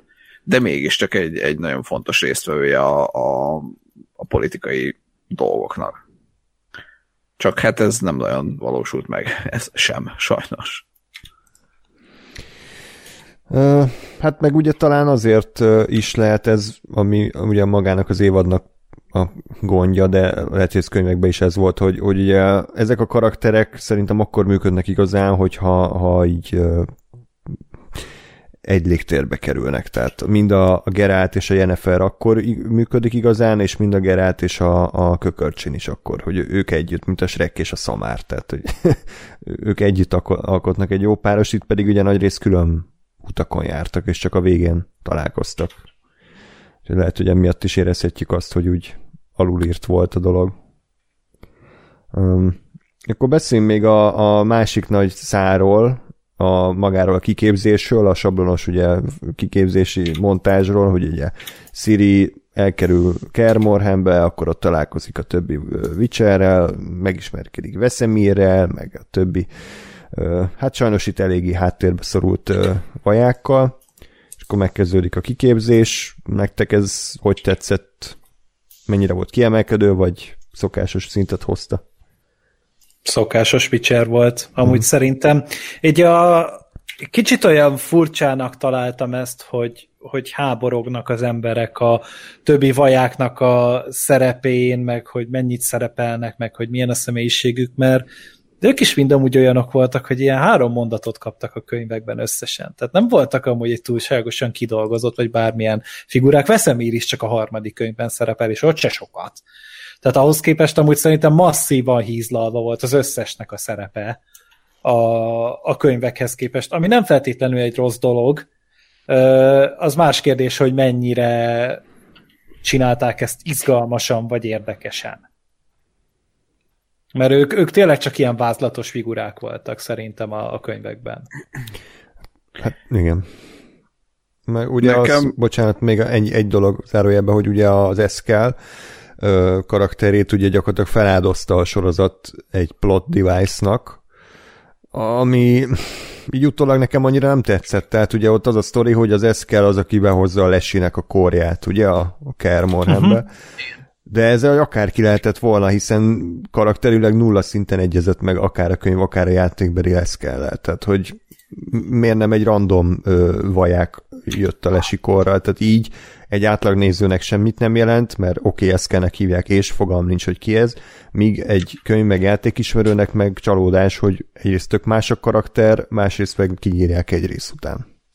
Hát csak, hogy a könyvhez képest, tehát, hogy, hogy így, így is még sokkal aktívabb figura lett az Eszkel például, mint ami, tehát mi, mint ami a, a lapokon volt, úgyhogy én nekem ebből a szempontból nem volt bajom vele, mert tényleg csak egy nagyon random mellékszereplő ám a könyvben. Uh-huh. A játékban igen, ott egy ott szerepel valószínűleg kettő játékban, de lehet, hogy mind a háromban is, és ahhoz képest lehet, hogy csalódás, de, de hát azért nagyon-nagyon régóta tudjuk, hogy ez nem a játékot adaptálja. Annak ellenére is hogy lehetett látni a játékos kardokat a második epizódban, valamint ugye a Gerátnak a, vagyis hát az ottani Witcher farkas medált is. Uh-huh. Ami egy jópofa easter volt, de ennyi. Én, én azt gondolom, hogy, hogy szerintem ez egy ilyen kettős gondolat volt az Eskel, mert ugye egyrészt, egyrészt kellett a, a tehát a plot, plot device szempontból Ez kellett. az kellett, hogy Okay. Ezt még én is olyan rossznak tartottam, hogy nem akar. Jó, én elvállalom a szart, tehát én büszkén viszem végig a folyosón. Andrásnak ez a kategória nem létezik, hogy olyan rossz. Nem, nem nincs elég szar. Na. Szóval, hogy én azt gondolom, hogy a sorozaton belül, ami, ami történt ugye Eszkellel, és vagy hát ezzel a karakterrel, és ugye emiatt Veszemírrel, az szerintem működött. Tehát az, hogy ott ugye fel kell áldozni valakit, és aztán a végén ugye egy hasonló szituációba kerülnek a, a, a Sirivel, ez az egész, ez, ez nekem megvolt, és azt gondolom, hogy kicsit egy ilyen, lehet, hogy egy ilyen clickbait miatt, vagy clickbait jelleg miatt volt ez az eszkel, mert ugye azt mondod, hogy aki nem olvasta a könyvet, vagy nem, vagy nem ismeri a, a franchise-t, annak tök mindegy, hogy ez ki, így van. De, de hogyha, de, de aki nem ismeri, annak tök mindegy, hogy ez kell, vagy nem ez kell. Uh, annak, a, annak a, a plot számít, abban működött. És azt gondolom, hogy, hogy emiatt volt ez egy ilyen clickbait jellegű, hogy ugye be, behozták, hogy aki ismeri, annak okozzanak egy kis meglepetést, vagy valami, valami uh, váratlant azzal, hogy nem csak, hogy megölik, hanem hogy, hogy ő egy ilyen fontosabb, fontosabb valaki lesz. Ö, nekem, nekem mondom működött, bár én nem ismerem a karaktert azon túl, hogy tudom a nevét, meg így, így tudtam, hogy igen, ő egy másik Witcher, ö, és ezért egy kicsit úgy, úgy meglepett, hogy de, biztos, hogy ő meghalt, mert így rémlik a, a Gwent, Gwent játékból, hogy ott, hogy ott van, tehát hogy tudom, hogy nem, nem hal meg egyből így hirtelen, de nem tudom, mit akartam már mondani. Tehát, hogy szóval a sorozaton nekem, belül oké okay volt. Ez így. Igen, igen. Hmm. Tehát, hogy, hogy nekem, amit itt csináltak vele, az a, az a sztori, az, az működött. Hmm. Tök jó. És maga az egész Kermolhán rész nektek hogy tetszett akkor így? Aki még nem válaszolt, mondjuk Lóri, hogy így adott valami pluszt, vagy igazából ez is csak úgy nézted, hogy igen, zajlottak a jelentek, igen, Szíri egyre ügyesebb, oké, okay. fel akarják őt áldozni, füvek próbája, meg mutagén, meg mindenféle ilyesmi. Hát amennyiben az, hát a, amikor megkapja a mu- mutagént, és, és, és kapja az újabb és újabb adagokat, az nagyjából ennyi. Hm. Meg aztán tol, tolják, tolnak még valamilyen gombákat is bele, vagy hogy van ez? Ja, meg egy, egy szinten nálunk egy-két bukóból a Fed kommentelő a butagént rökölte meg. Bocsánat. De én, én, nem, én nem, nem nézem és nem hallgatom. De azért... Ez az Lóri. Akkor te, te nevethetsz. Én nevethetek okay. pont ezért. Mi sírunk. Ki ez a Misi? Jó. Na erre ez meg nekem volt olyan, hogy inkább nem mondom, mert annyira szar, de hát igen, tehát Andrásnál ez a kategória nincs. András elszabadul. Na.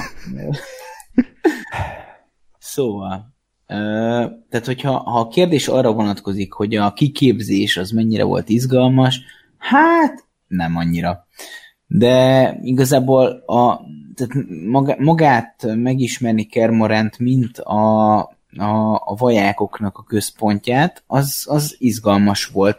És hogy, hogyha e, ezen belül akarom értelmezni a kiképzést, akkor úgy az, mint a, a világ felfedezése, az nekem izgalmas volt, de ez alatt azt értem, hogy, hogy, hogy végigmegy a, a Ciri a kiképzésen, nekem izgalmasabb volt az, hogy, hogy az az ilyen mindenféle mozgó szerkezet, amin végig megy, hogy, hogy az van ott, és hogy akkor az hogyan működik.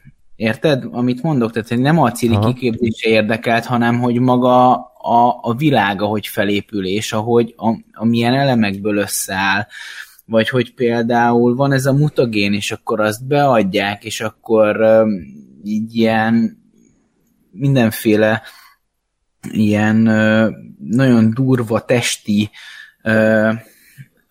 próbával teszik, vagy hozzák létre a bajákokat, ahol ilyen toxikus állapotba hozzák őket, és aztán, hogyha túlélik, túlélik, hogyha nem élik túl, nem élik túl.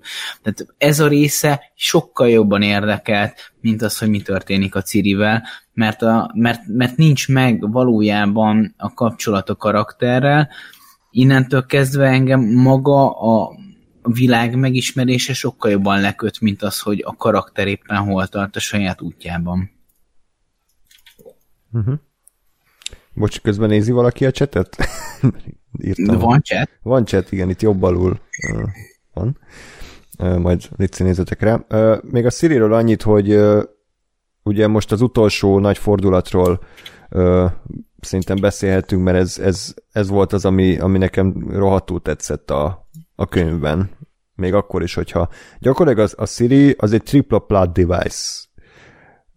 Egyrészt ő a, az ősi vérnek az örököse, ugye, amit hát elhadarnak a sorozatban, nem tudom mennyire jött át mindenkinek, de ő az, aki vagy elpusztítja a világot, vagy megváltja a világot, ki tudja, de nagyon nagy ö, ereje lehet, plusz ugye lehet, hogy ő az, aki a, a vajákoknak a, a jövőjét biztosítani tudja. Gergő, ez, ez könyvben is így volt, ez a, hogy ő a vicserekhez tud így segíteni? Én, én nem emlékszem erre a vicseres szára, ja, amúgy abszolút. Tehát én, én úgy emlékszem, hogy ez a, az egész hüvegpróbája dolog, ez, ez is a sorozatnak a, a dolga. Tehát ez a, a könyvekben ugye sosem merült fel, hogy na tudnánk új vajákokat csinálni, mert egyszerűen már úgy vannak vele, hogy nem, nem, nem csinálunk új vajákokat, mert nincsen rá kapacitásunk, nem tudjuk őket kiképezni.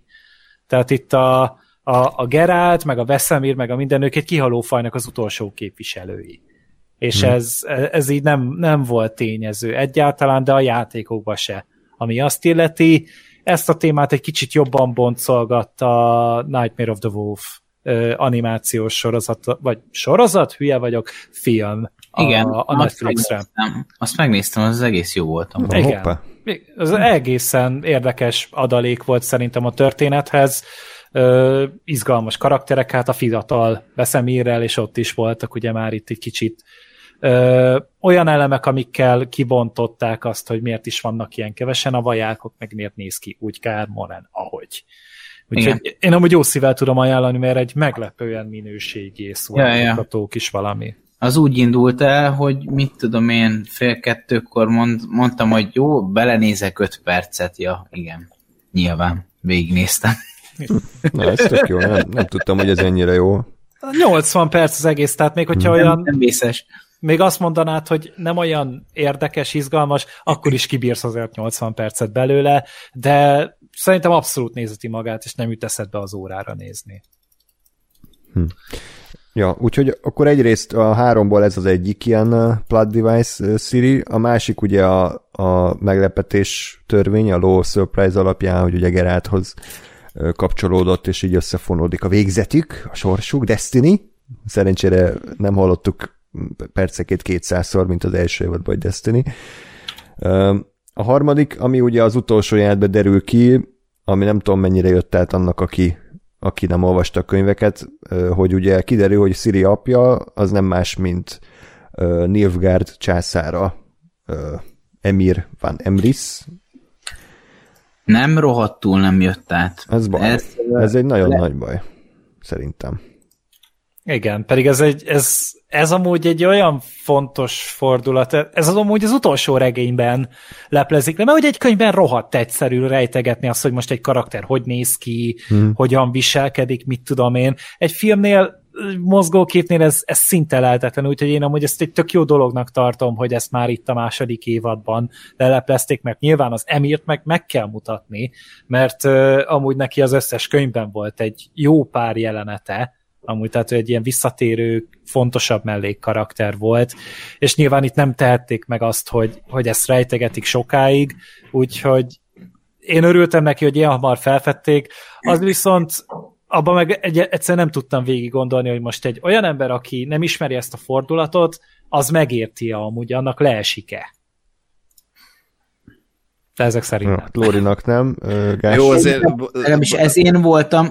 Most egyébként konkrétan az történt, hogy tegnap, amikor végtekertem másodjára a sorozatot, akkor, akkor úgy volt, hogy direkt megálltam például az ilyen államjeleneteknél, és azt, azt egy az egybe végnéztem, és akkor, mivel ott, ott volt a Cirinek az apja, de hát mit tudom én, az fél órával azelőtt volt, mint ahogy végignéztem az utolsó jelenetet, és akkor így ez nem ugyanaz a csávó.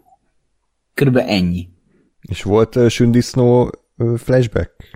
Kurvára nem, hmm. és, és, és ez nagyon-nagyon durva, tehát hogy nekem a, a, az első évadból sem esett le az, hogy, hogy ő egy valaki Nilfgaardból, és hogy előtte gyalázza a Kálente a Nilfgaardiakat. Tehát, hogy e, e, ezek, ezek az olyan apró finomságok, amik egyébként fontosak, nekem nem estek le. Ez nem azt jelenti, hogy ez biztosan csak és kizárólag a sorozat hibája, mert egy csomó milyen hülyeséget benézek, és nem biztos, hogy leesik, de ettől még nekem ezek nem ütöttek. Ezek nekem, mit tudom én, másod-harmad nézésre, vagy egyéb forrásokból jöttek be, mint információk hát ki tudja, nem tudom, tehát nem mindig csak a sorozat hibája, hogyha én nem értek valamit, de, de ezek nekem nem ütöttek. Igen, azért bocsánatot a, a Lórira bízni azt, hogy egy arc alapján ismerjen fel valakit, az hát több, mint, több, mint merész. Ma bocs. Én, én, meg, én meg tudtam ezt a fordulatot. De nekem, nekem az volt a fura hogy, vagy azt, azt nem csinálták szerintem túl jó, hogy, hogy ugye az emért azt nagyon sokáig White Flame-ként emlegették. Uh-huh. És, és szerintem, szerintem ott csúszott el, vagy az, az, ami sokkal inkább el tud csúszni, hogy így soha nem mondták ki egyértelműen, vagy nem, tehát kevésbé volt megmagyarázva az, hogy a, hogy a White Flame az kicsoda, és mi az igazi neve, mint az, hogy a sorozat végén ott volt ez a, ez a, ez a fordulat.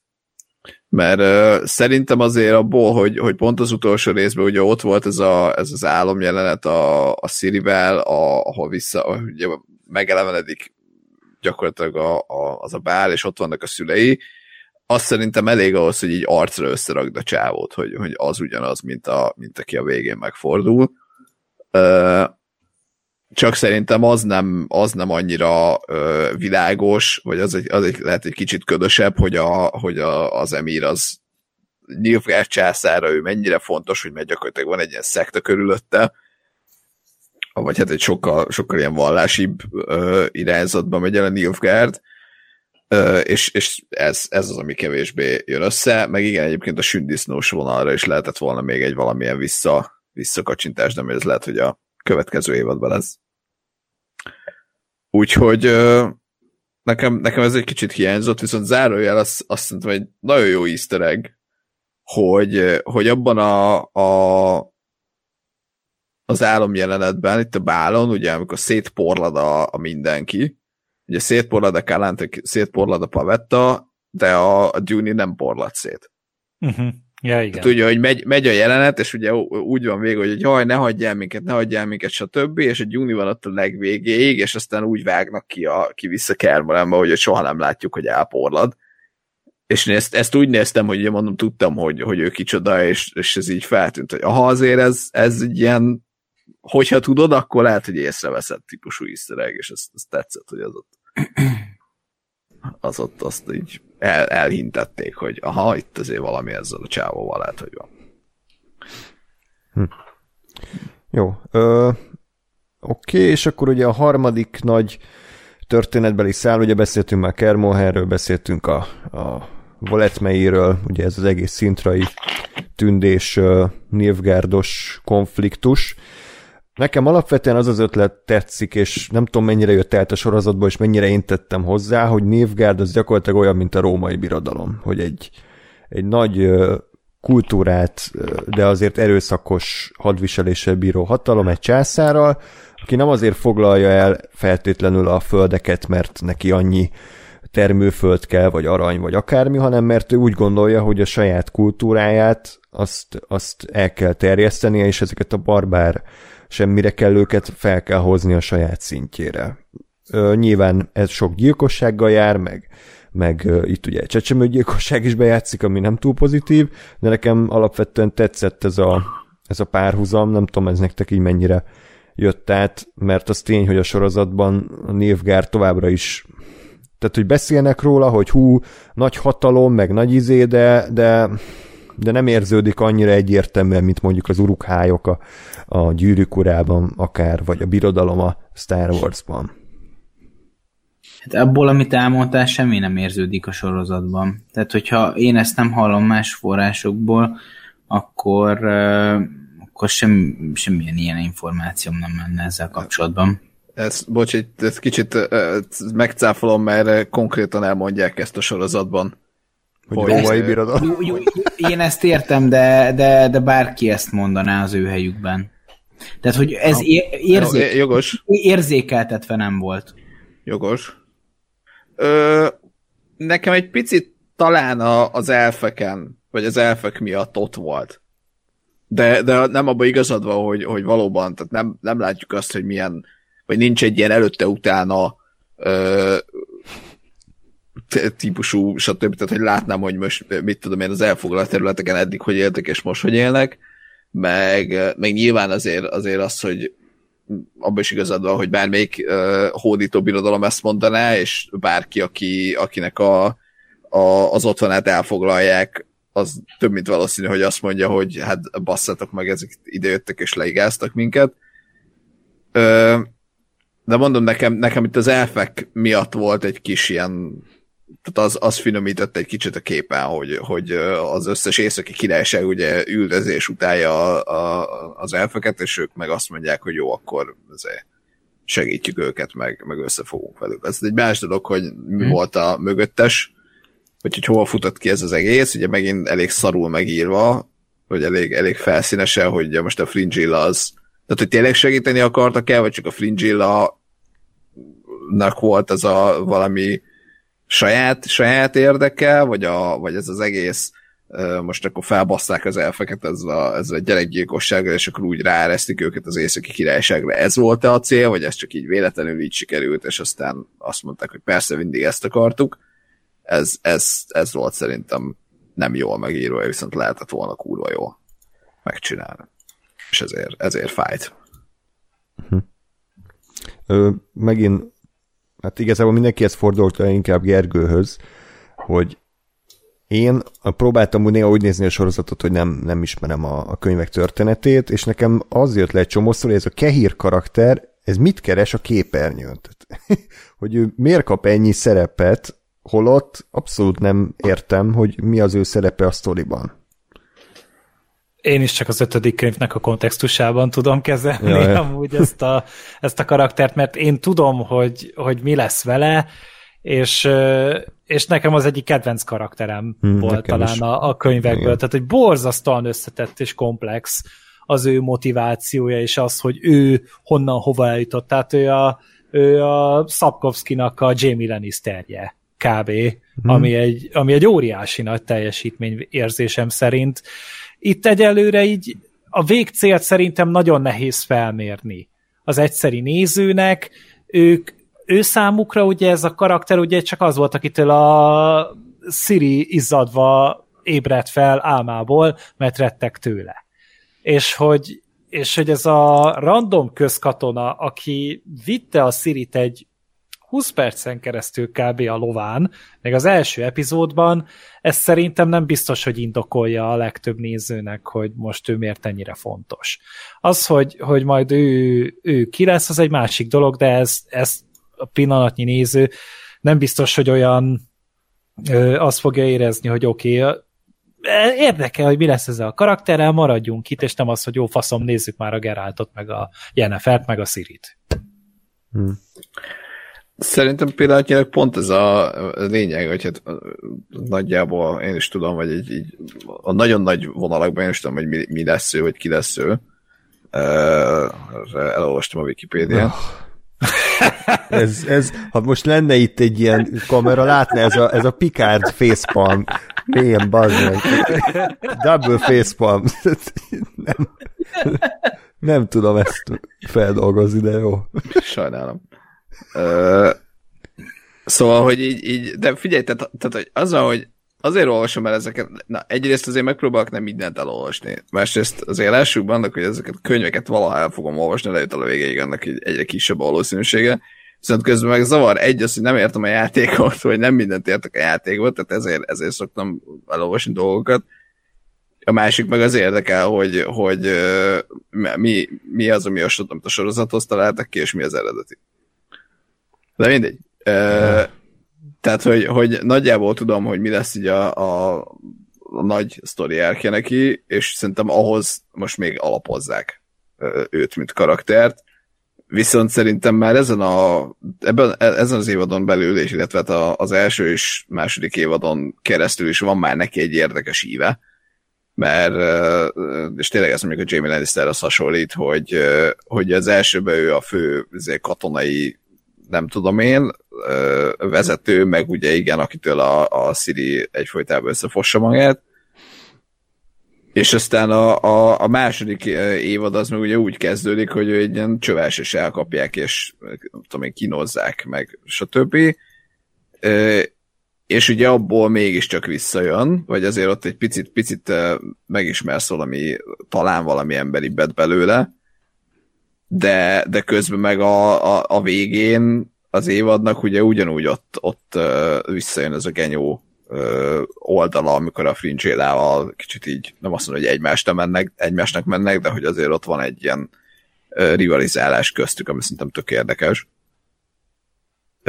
Úgyhogy, úgyhogy nekem, nekem mint ilyen működik egyelőre a karakter, sőt igazából jobban működik, mint az első évadban, ahol, ahol inkább csak azt éreztem, hogy jó, most itt van egy ilyen random, random uh, a fekete katona, hogy így, így legyen egy valaki, aki, akit akire lehet mutogatni, de ő az, akitől fél a szíri, meg ő az, aki a szírit üldözi, és, és van egy ilyen, ilyen ellenségkép, amit, amit elénk rak a sorozat. Értem. Jó, oké. Okay. Jó. Um, miről beszéljünk még? Hát Ja, és még, bocsánat, még azt akartam kérdezni, hogy, hogy jól emlékszem, hogy úgy ért véget az évad, hogy a, hogy a császár az, az ellenük fordul, nem a Fringilla és a Keir ellen, hát, hogy meg kell őket tartóztatni. Hát finoman, finoman meg, az, hogy, az, hogy most lemészárolják őket a francba, vagy nem, az nem látszik a képernyőn, de, de így finoman tudtukra adja, hogy amit éppen bekamusztak neki, hogy ők hogyan ölték meg a, a csecsemőt, meg mit tudom én mi, azt így finoman tudtuk adja, hogy hmm. jó, hát az én voltam. Uh, még érdekes, tudjátok ki az a Vilgefortz? igen. Én tudom. Na, tényleg? Igen, ez, ez az alapján igen. Jó, azt hittem, hogy csak Gergő fog bólogatni. A Tiszájának a szeretője. Hát igen. Na a, én, ö... aki, aki átveszi a mágus tanácsban a, uh-huh. a mhm. vezető szerepet, és annyi, hogy őt kiáltják ki a szódeni csatának a, mit tudom én, mit tudom én... Megnyerőjévé. Megnyerőjének. Hát a hő, hőső, igen. Igen, igen, igen, igen. Ö, jó, nekem sokkal kevesebb rém lett. Tehát én úgy emlékszem, hogy volt kb. három jelenete az évadban. Vagy öt. Hát nem, ne, tehát ez, amit a Lóri elmondott, ez, ez igen, de ezeket kb. onnan tudjuk, hogy ezt így elmondták. De, igen. de tehát, hogy az, hogy a Tisztajával együtt van, vagy, vagy ott köztük valami van, az annyi, hogy semmi, semmi, semmi, semmi már. Igen. Uh, és, így, és így néztem, hogy ja, jó, oké. Okay. így, így kimaradt, kimaradt egy rész, hogy nem láttam, vagy, vagy, vagy nem emlékszem, hogy ők, ők mikor jöttek össze, vagy ők mindig együtt voltak, vagy mi a túró történt itt. Tehát, hogy azért azt eléggé, eléggé uh, nagyvonalúan kezelték. Szerintem a, az egész Brotherhoodnak a, a, a felépítése, vagy, a, vagy az, hogy ott ő, ő vezető lett, vagy most a tisztajával ketten vezetik, vagy nem tudom mi a túró. Tehát, hogy azt, azt is egy kicsit ilyen oké, okay, de tehát, hogy, hogy, hogy ez, a, ez a sztori is, vagy ez a vonal is az, ami, amiről ma beszéltem, hogy így papíron tök jó, csak, csak kéne két-három ilyen karakterépítő, meg sztoriépítő idézőjel filler rész, ahol izé, Veris meg kisúlja a trónteremben megbeszélik a dolgokat. Tehát, hogy ilyenek nem voltak ebben a sorozatban, és ezért, ezért nem működnek ezek a, ezek a sztori szálak annyira, mint amennyire mondjuk a trónok harcában, igen. Hm. Igen, például te Gergő, mennyire voltál megelégedve Vilgefortz megjelenítésével ismerve a későbbi könyveket? Hát a Vilgefortz talán a, a legalul reprezentáltabb karakter ebben a, ebben a történetben, és már pedig neki nagyon fontos lenne ezen a ponton a, az építése, hogy, hogy aztán ne kelljen kapkodni később. Mert, mert, mert igen, tehát a, a Vilgefortz ő egy, ő, ő egy eléggé lényeges figura. Úgyhogy, úgyhogy a Vilgefortz az nagyon nagy csalódás. Ja, úgyhogy ilyen, ilyeneknél sajnálom tényleg azt, hogy, hogy, hogy túl sok volt a hozzáírt filler, mert jó, persze érdekes, hogy most mi lesz a, a tünde csecsemővel, meg hogy akkor a, a Francesca ugye olyan szintre süllyedt, hogy akkor ő is elkezd embercsecsemőket gyilkolászni, de egyrészt nem tudom, hogy ezt hov, meddig akarják elvinni, másrészt meg ez játékidőt veszel olyan ö, karakterektől, akik viszont a későbbiekben biztos, hogy, hogy kapnak szerepet. Tehát én nem hiszem, hogy a Végeforc nem kapja meg azt a szerepet, mint a könyvekben, csak egyszerűen nem lesz neki annyira megágyazva, mint kéne, és majd néz, néz a néző, így pislogva, hogy oké, okay, ki ez a csávó, volt kb. három jelenete két évad alatt, és most miért kéne érdekelni, érdekelni engem, hogy, hogy mi történik. Mert azt hiszi a, a Loren Schmidt, ugye a showrunner, hogy azért, mert elmondanak valamit egy mondattal, az már elég és persze papíron elég, csak azért a néző szereti átérezni a, a dolgokat, nem csak azt, hogy elmondják neki, hogy figyelj, ez van. De, hát, De ott is lehet, hogy a castingon megy el, amúgy ez a világ. Hát sajnos, az se erős. Is. Igen. Tehát nincs, nincs... É, de miért? Én nekem nincs bajom a Csávóval egyébként. Uh-huh. Jó. Hát uh, jó. Majd lesz.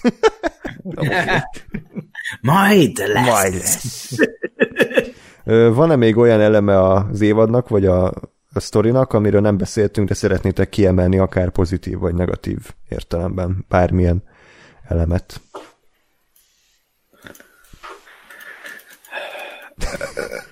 Zajszűrő. Nem, tehát, nem, ez, ez, ez azért, tehát, hogy ez egy olyan kérdés, hogy most oké, okay, csak nem tudom, hogy miről fogunk még beszélni. Tehát, hogy ki akarom-e emelni most mondjuk a, tű, a szétéget arcú tűzmágust, mint egy Persze. nekem tetsző figurát, nem vagy mondja. nem akarom, mert annyira nem szerettem bele, mint figura, csak érdekes volt. Hmm, na, ő például, ez a Rinsz, ez szerintem száz százalékban megegyezik a könyvbeli verziójával, és, és működött is, nekem tetszett abszolút.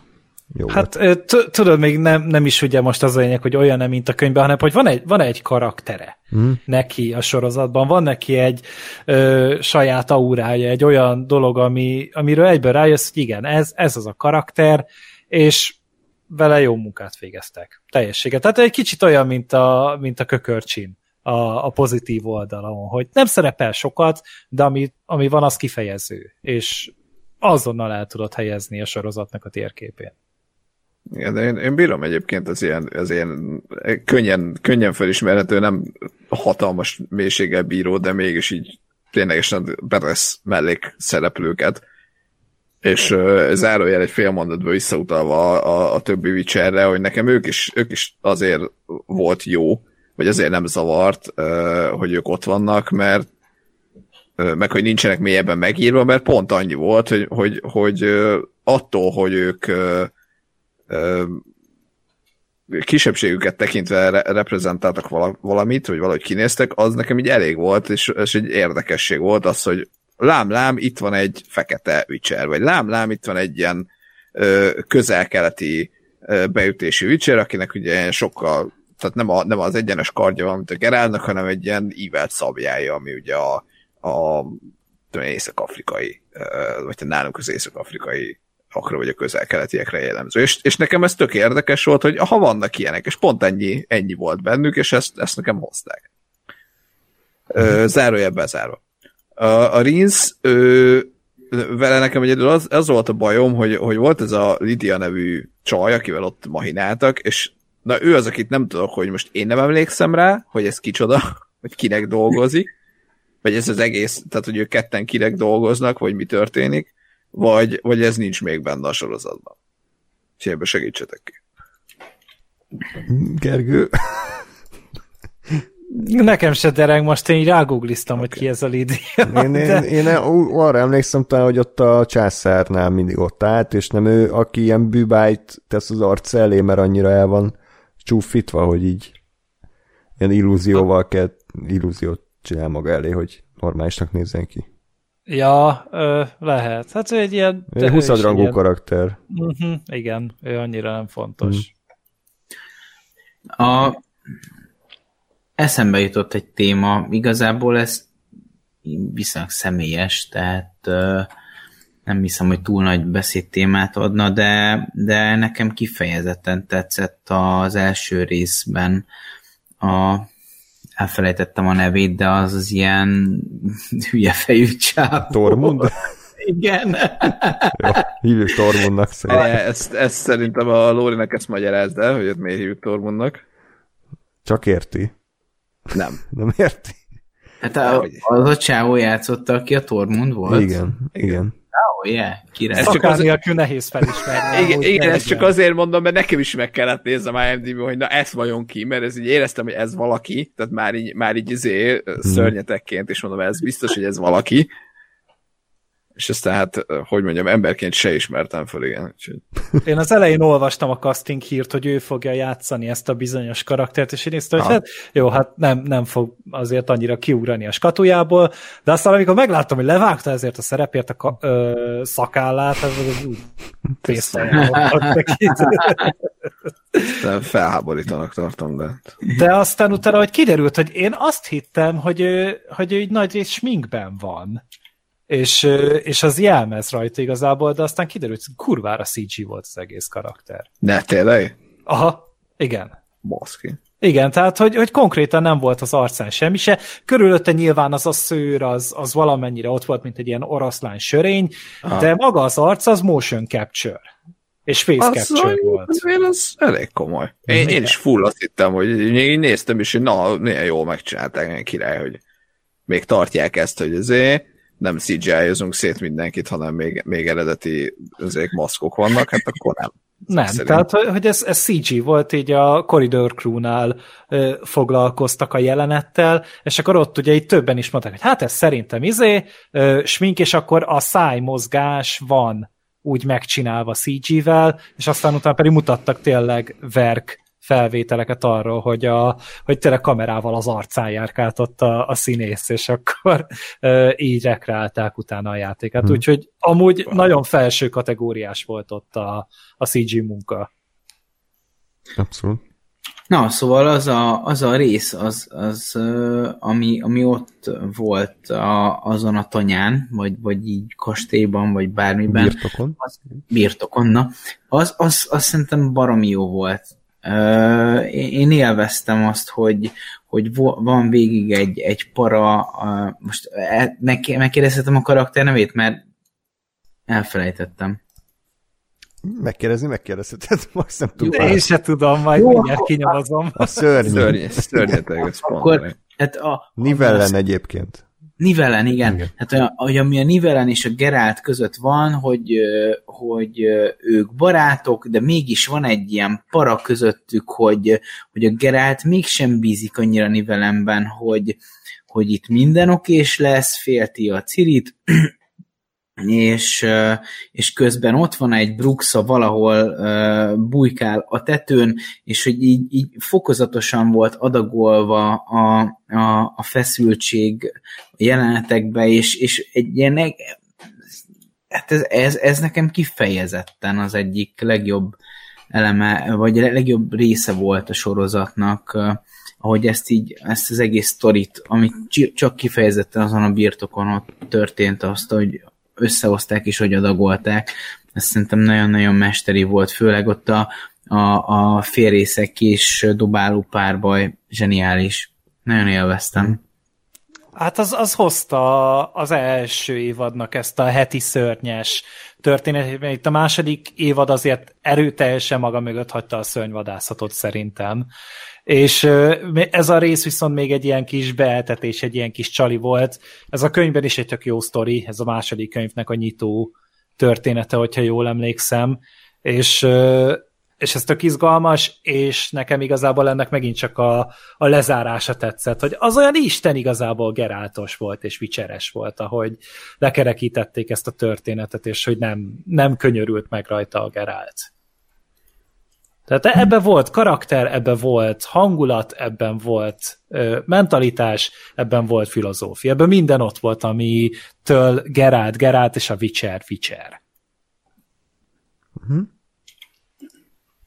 Igen, egyébként az első könyvben volt, bocsánat, csak így beleokosodtam. Igen? Aha, igen, de egyébként mindennel egyetértek, és, és én tudom, hogy biztos idegesítő, aki nem olvasta a könyveket, de én pont, pont erre mentem volna rá tényleg jobban az évadban, hiszen Lóri is kiemelt, hogy ez volt a legjobb rész, és hát amit Lóri mond, az úgy van, és ahhoz kell igazodni a Netflixnek, hogy, hogy, hogy eb, ebbe volt erős, mert ezt tök jól adaptálták azt a sztorit, tehát ezt nem szóról szóra adaptálták, hanem hozzá költöttek dolgokat, meg kicsit átformálták, de, de tök jól működött, és és tényleg magáról a Witcherről, ami, ami a sorozat címe, hát arról szólt a legkevésbé az évad, és ez tényleg nagyon sajnálatos, mert szerintem ez egy, ez egy nagyon eredeti ötlet volt a 90-es években, hogy a Geralt tényleg egy szörnyvadász, neki ez a munkája, olyan, mint a vízvezetékszerelő, vagy a nem tudom mi, egy vállalkozó, aki abból él, hogy, hogy szörnyeket öl meg, és kap érte pénzt, és Katázik, kész. igen.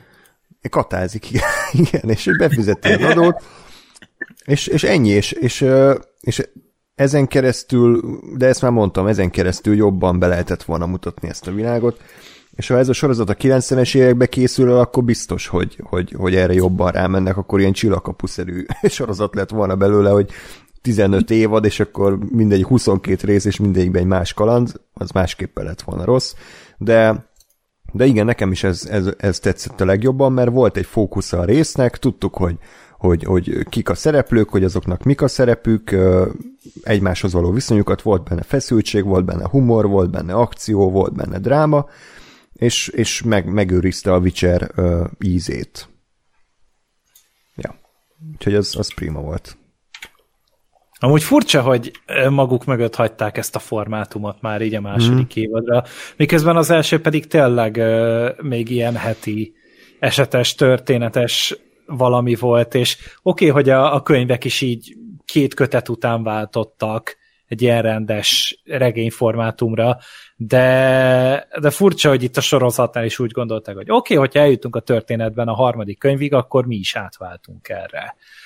Nem tudom, hogy ö, ez jó ötlet volt-e, mert az összefüggő története és a Witchernek amúgy érdekes, meg jó, meg szerintem jól adaptálható sorozattá, csak közben meg az emberek szerintem pont erre a heti esetes valamire haraptak rá még az első évad folyamán.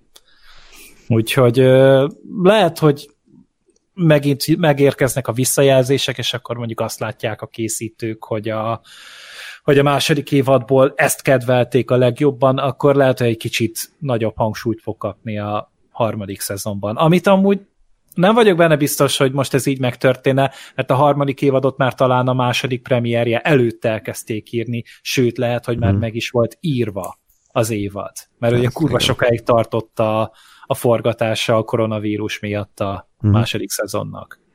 Hát meg most talán már késő lenne, nem? Így, így most már beletenyereltek a trónok harcába itt a királyságokkal, meg a politikai mahinációval, meg a 500 karakterre, most ezután visszamennie heti heti kalandra már késő. talán. Hát egy, egy párra gondoltam, itt egy két-három ilyen epizódra mondjuk.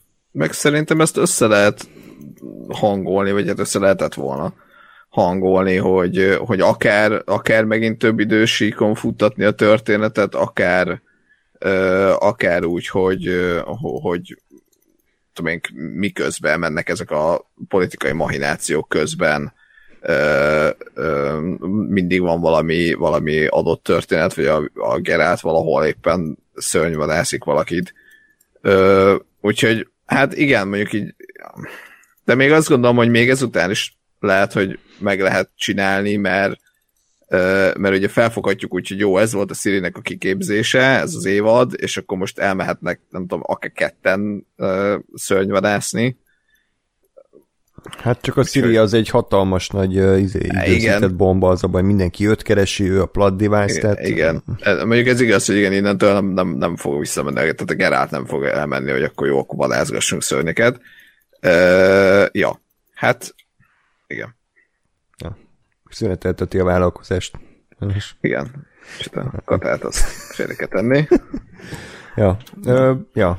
Általánosságban egyébként annyit tudok elmondani, amivel gondolom egyetértetek, hogy az évad technikailag mindenképpen javult, tehát látványban, operatőri munkában, díszletekben, jelmezekben, ö, vizuális effektusokban hát érezhetően fejlődött az első évadhoz képest, ami hát elég ö, rustikusra sikeredett, nem? Azzal a PS2-es sárkányjal, meg a ilyen ö, tatai várral, tatai várral. Igen, amiben láthatóan semmilyen kárt nem szabadott okozni, és így nagyon távolra mutogathatták csak erdőbe rohangálás, tehát hogy azért egy, az kifejezetten olcsónak hatott szerintem, még úgy is, hogy azt hiszem részenként 10 millió dollárjuk volt, tehát az egész évvel az 80 millióba került.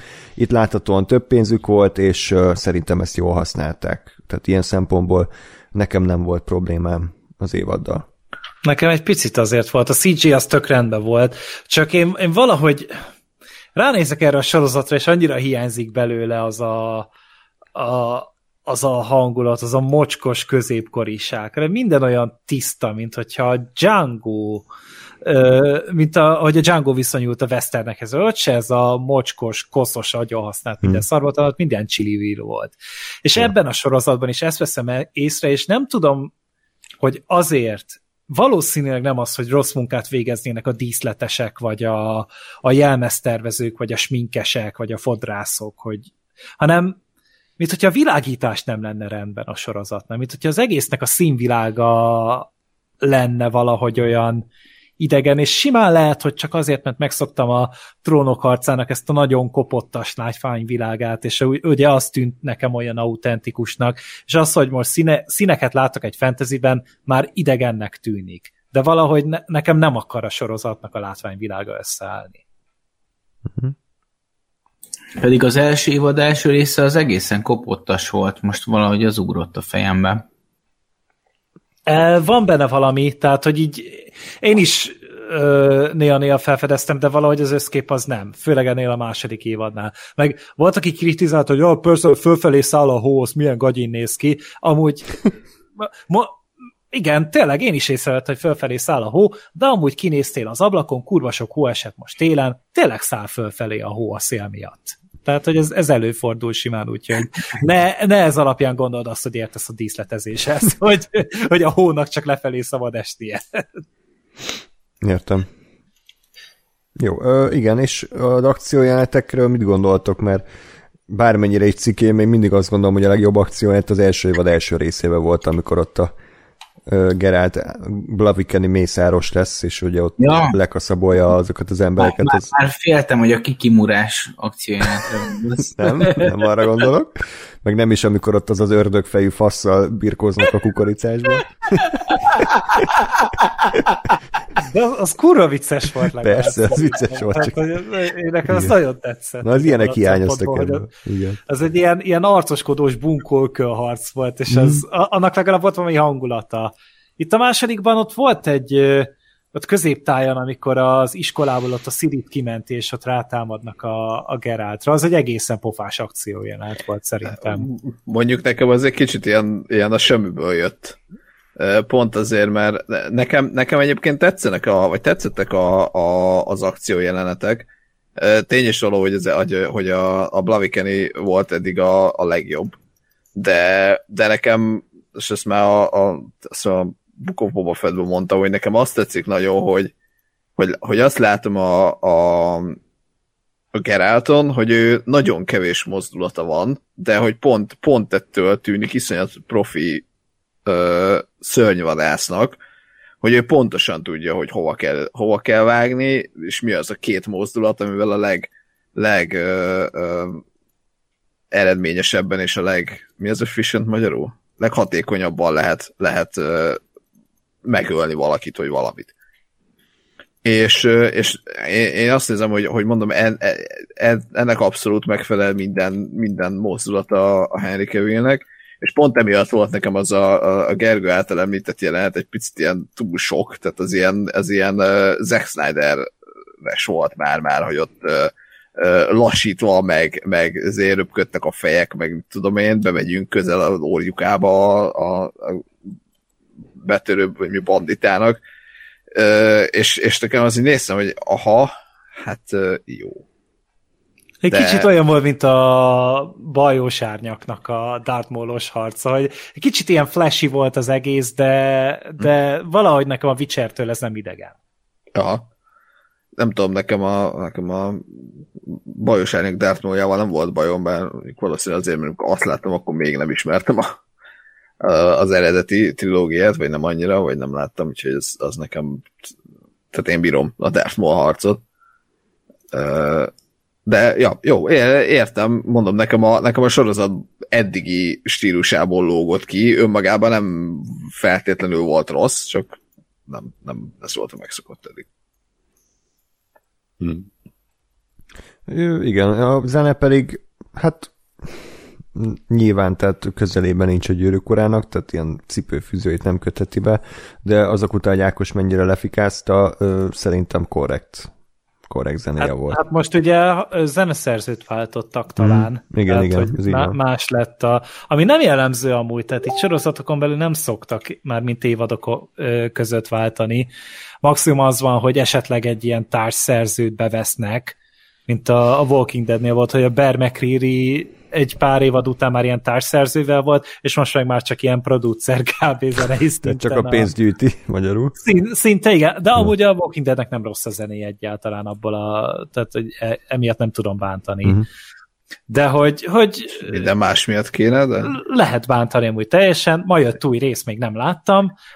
még mindig megy, bazzeg, nincs még vége annak a szarnak. Idén vége lesz, ne aggódj, elmesélem de... majd utána, hogy mi volt az öt éve kellett, vagy tíz éve kellett, hogy legyen, nem idén. Jézusom. De hogy, hogy a, a Witchernek vállalható a zenéje, nem, ne, nem az a dolog, amire, aminél így a Spotify-on vágni fogom a centit, hogy na mikor kerül fel végre a teljes album, és hagy hallgathassak meg egy pár taktust, de nem idegesít. Mm. Jó, bármi egyéb gondolat maradt-e az évadhoz? Ha nem, akkor egy utolsó kérdés se fordulok hozzátok, hogyha választhatnátok, hogy holnap melyik sorozatot nézzétek végig, akkor három közül melyik Witcher harmadik évad, Gyűrűk Ura sorozat, vagy pedig a House of the Dragon trónok harca Targaryenekkel foglalkozó előzmény.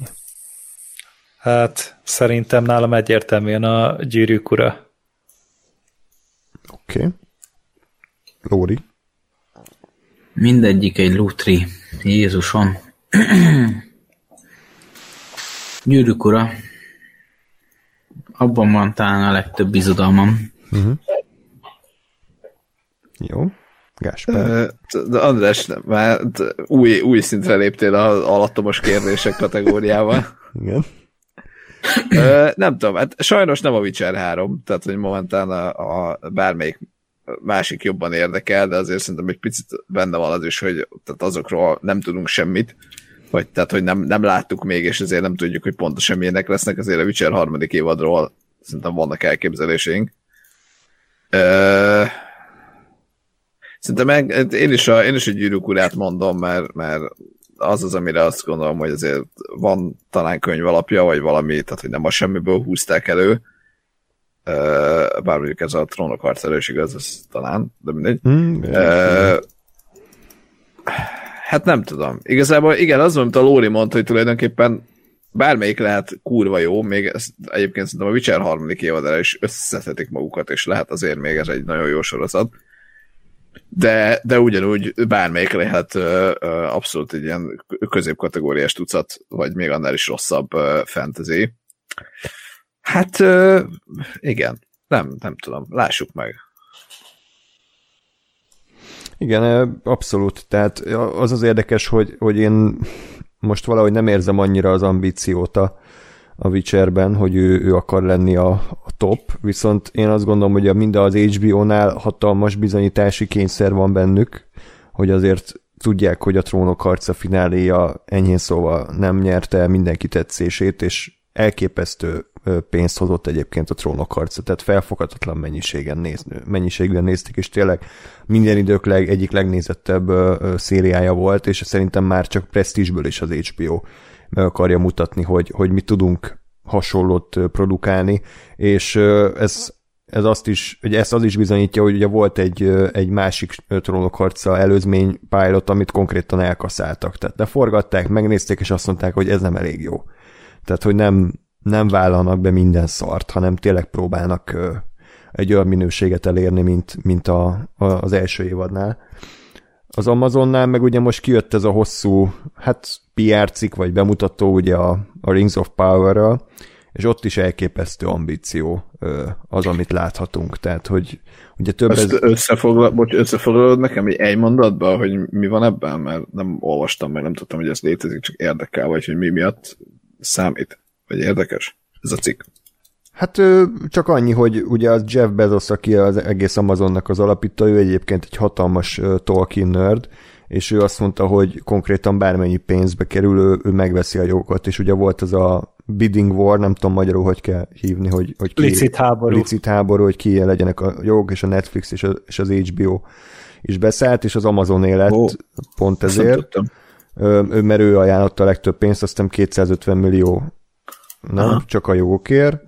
Igen. És akkor e, ezek után, és itt is érdekes, hogy ilyen két ilyen viszonylag ismeretlen showrunner kapta meg a, a lehetőséget, mint ugye Benioff meg a Weiss, akik korábban kb. semmivel se bizonyíthattak, és erre nem tért ki a cikk, tehát azt nem tudom, hogy ők hogy kapták meg ezt a melót, az kurva érdekes, hogy ezért, hogy ez mégis hogyan sikerült, és, és ugye a, ami nekem tetszett az, hogy tényleg középföldének egy olyan ö, szegletét mutatják be, amik, amit egyik egy gyűrűkura filmbe se láthattunk, tehát olyan királyságokat, ugye Numenort, meg a tündék királyságát, ö, plusz ugye hobbitok nincsenek, csak ilyen előhobbitok, ö, ugye több ezer éve járunk a gyűrűkura előtt, és, és ö, elvileg elképesztő ambíció van a, már magában a látványvilágban, tehát azt hiszem a sorozat költségvetése majdnem az 500 millió dollárt karcolja, ami, ami, ami iszonyat iszonyat brutál pénz. Ugye ezt is Új-Zélandon forgatták több mint egy évig.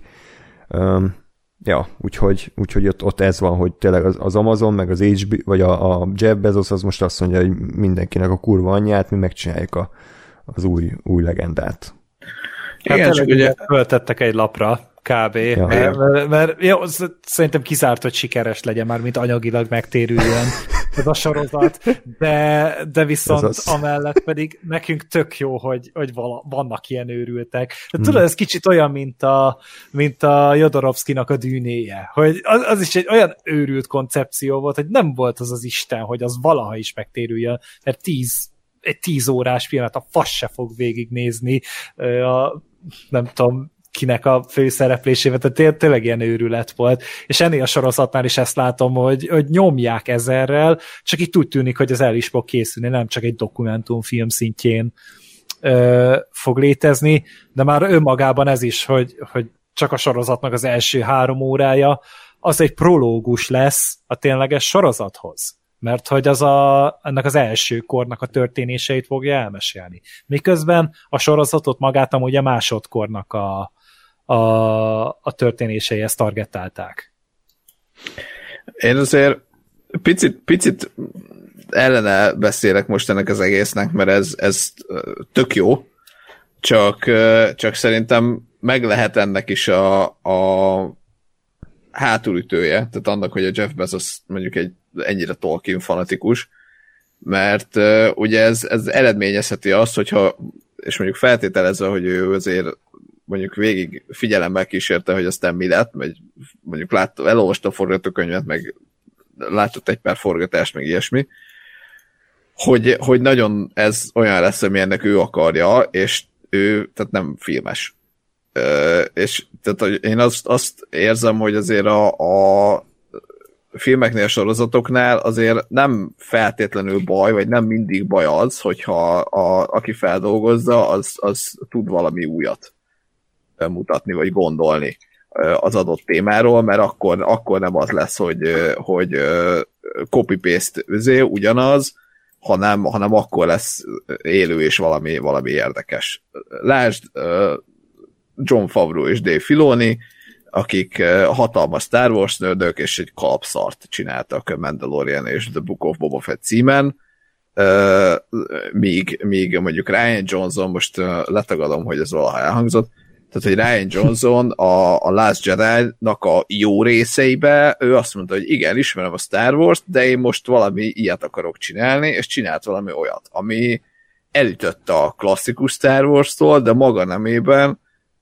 kibaszott jó volt. És azt továbbra is azt mondom, hogy a, hogy a Last Jedi-nak a jó pillanatai, azok, a, azok a, az új trilógiának, vagy a legújabb trilógiának a legjobb pillanatai.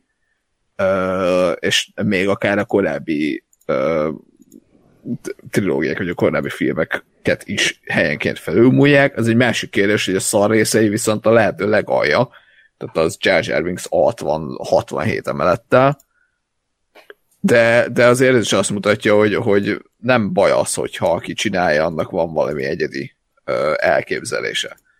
És megint az, hogy ugye, ugye no name ö, showrunner, showrunner van a, a a gyűrűk sorozatnak, az igazából megint csak egy ilyen kétféleképpen is el tud sülni, mert lehet, hogy, hogy ő egy valaki olyan, aki igen, volt egy valamennyire saját elképzelése, de azért tiszteletben tartja az alapanyagot, és csinál belőle valami kurva jót. Azt gondolom, hogy a, a, a Vice meg a Benioff ezt csinálták, bármennyire is azért, divat őket ekézni a vég, vég, vége miatt de az is lehet, hogy, hogy ő igazából egy báb, és, és tulajdonképpen vagy semmit nem ért hozzá, vagy így, amit a Jeff Bezos leír neki reggel az e-mailbe, azt elmondja a délután a meetingen, és igazából semmi személyisége vagy egyedisége nincsen. Hmm. Én amúgy nem gondolom, hogy a, a Bezos belefolyna a kreatív oldalba, mert elsősorban egy üzletember, és nem... Tehát amennyire én tudom, így a többi Amazon sorozatnál sem ö, aktívkodik, tehát még a, a Boys-ba se szól bele, pedig az a legnagyobb presztízs sorozata jelenleg az Amazonnak. Nyilván majd valószínűleg ezt akarják leváltani az a, a gyűrűk urával, de én, én a pénzembertől itt nem tartanék. Inkább attól tartanék jó eséllyel, hogy mondjuk a két showrunner vagy valami elképesztő dolgot pitcheltek a, a Bezosnak, és ő azt mondta, hogy jól van, figyelj, itt a pénz, aztán csináljatok, amit akartok, vagy pedig vagy pedig az az ijesztőbb rész, hogy tényleg bábok, és akkor ő va- valaki dirigál nekik. Csak ugyanakkor meg azt mondod, hogy, tehát, hogy, hogy igen, Jeff Bezos egy, egy üzletember, csak ugyanakkor meg ha a világ összes pénzét beledobta ebbe a sorozatba, akkor, tehát igen, akkor ez vagy, vagy az van, hogy igen, üzletember, és, és tényleg azt, a, ott tart, vagy oda jutott, hogy igen, belerakott egy rakás pénzt, de azért, mert egy olyan minőségi terméket akart előállítani, ami aztán meg is térül, vagy ami aztán hoz nekik annyit pluszba, akármilyen úton, módon. Vagy, ö, vagy az van, hogy ő igen, egy üzletember, de, de tök mindegy, hogy mi készül, mert annyi pénz van, hogy beletolhat, beletolt amennyit akart, és aztán valami lesz belőle, ami, ami mondjuk neki tetszik, és akkor örülhet, hogy csinált magának egy gyűrűk sorozatot a világ összes pénzéből. Hát jó, hogyha, biztos, hogy... hogyha van ember, aki ezt megengedheti magának, akkor az tényleg a Bezos, de, Be, de, nyilván. de csak szerintem itt több minden forró kockán talán, tehát hogy itt lehet, hogy akár az egész streaming szolgáltatónak a sorsáról is dönthet, hogy, hogy egy ekkora befektetésbe belebuknak-e, vagy sem. Igen, amiket a második évadot, ha nem is kezdték már el forgatni, de már előkészületben vannak, és ott ugye pont voltak is ilyen anyagi. Nem anyagi, de ilyen Covid problémák, hogy ugye sajnos már nem Új-Zélandon, hanem Angliában ö, lesz a második évad forgatása, és azért az is mekkora brutális, hogy felépítették az összes díszletet, óriási hatalmas díszleteket építettek elvileg Új-Zélandon, és azt most mind le kellett bontani így az utolsó deszkáig, és át kell szállítani Angliába, ahol újra fel kell építeni az összeset. Tehát, Legalább adnak munkát. Igen, igen. igen. És egyébként TV erős évünk lesz, én úgy érzem, mert ugye, amit már beszéltünk, hogy jön hamarosan az obi sorozat, jön hamarosan a Better Call Saul utolsó évada, ide jön a House of the Dragon, és ide jön a gyűrűkora is, tehát ez, ez brutál lesz. Uh, na hát akkor a második, év második felére ne vállaljunk a melót. Igen. és Lóri egyébként remélem te is jössz majd ennek legalább a felébe, mert Hát kíváncsiak leszünk.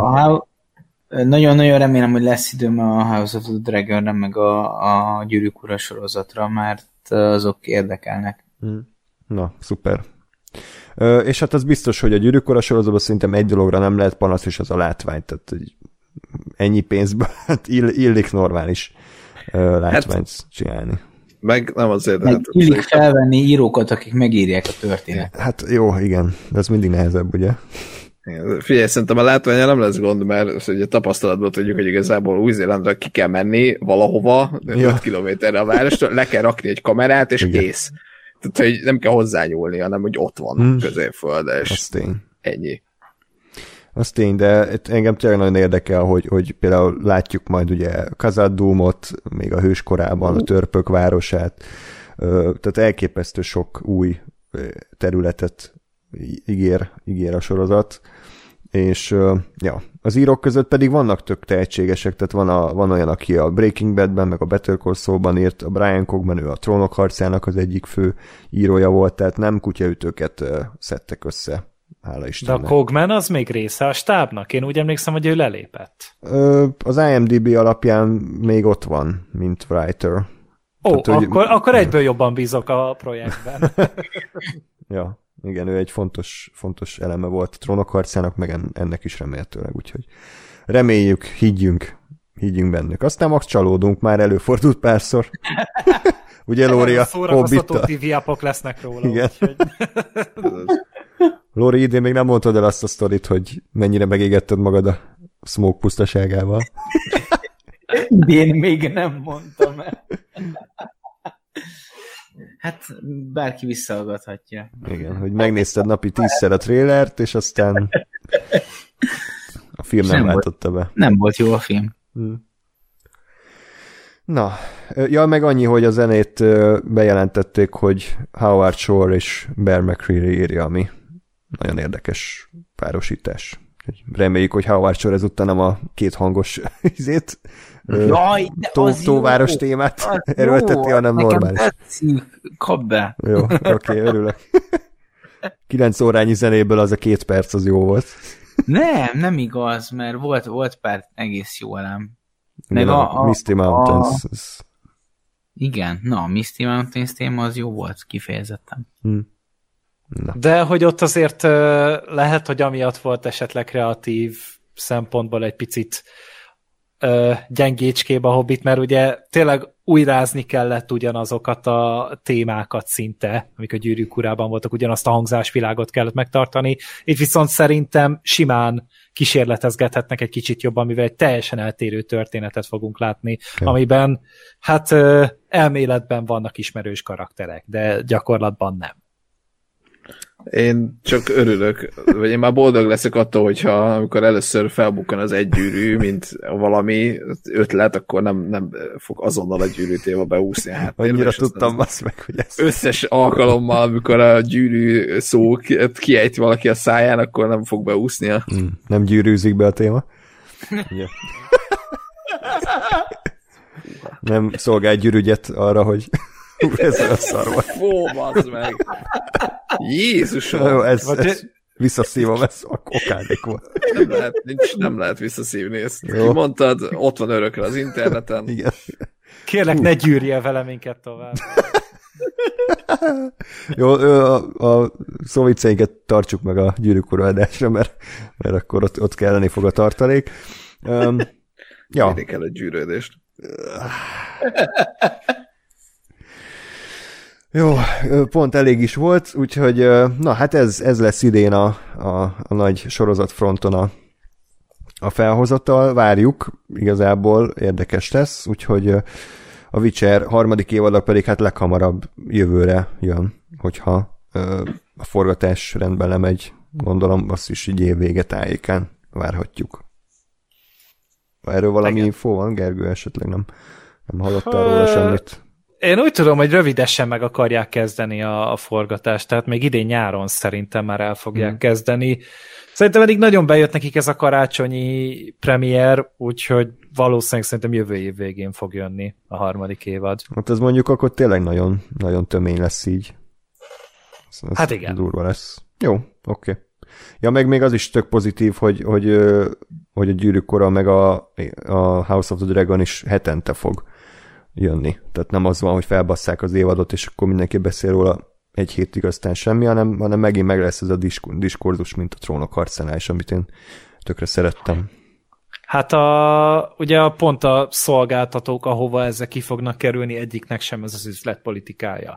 Tehát a, az Amazonnál ott az van, hogy hát az első két-három részt talán kirakják, és akkor utána hetiben, nem tudom, hogy ennél a gyűrűk uránál fognak-e ilyet, vagy minél tovább fogják húzni, lehet, hogy itt meg fogják azt lépni, tovább húzzák.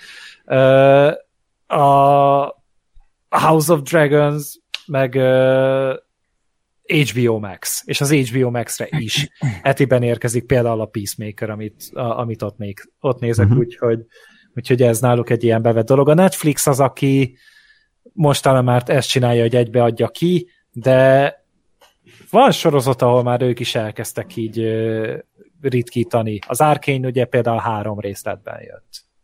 Hm. Ami lehet csak Érdekes. egy kísérlet volt. Érdekes. Lehet, hogy akkor hamarosan feladnak ők is ezzel a üzletpolitikával, hogyha senki más nem folytatja. Hm. Ja, mondjuk szerintem pont azért nem fognak felhagyni vele, hogyha mindenki más ezt csinálja, mert mert tehát én azt gondolom, hogy maga a, a piac az, az ott van, tehát hogy, hogy kell az, hogy lehessen bingelni sorozatokat, de én nem, nem feltétlenül tartom ezt egy rossz ö, megoldásnak, amit a Netflix csinál, mondjuk nyilván valamire sorozat függő is. De hogy, de hogy igazából valami, valami jobb így, valami jobb úgy.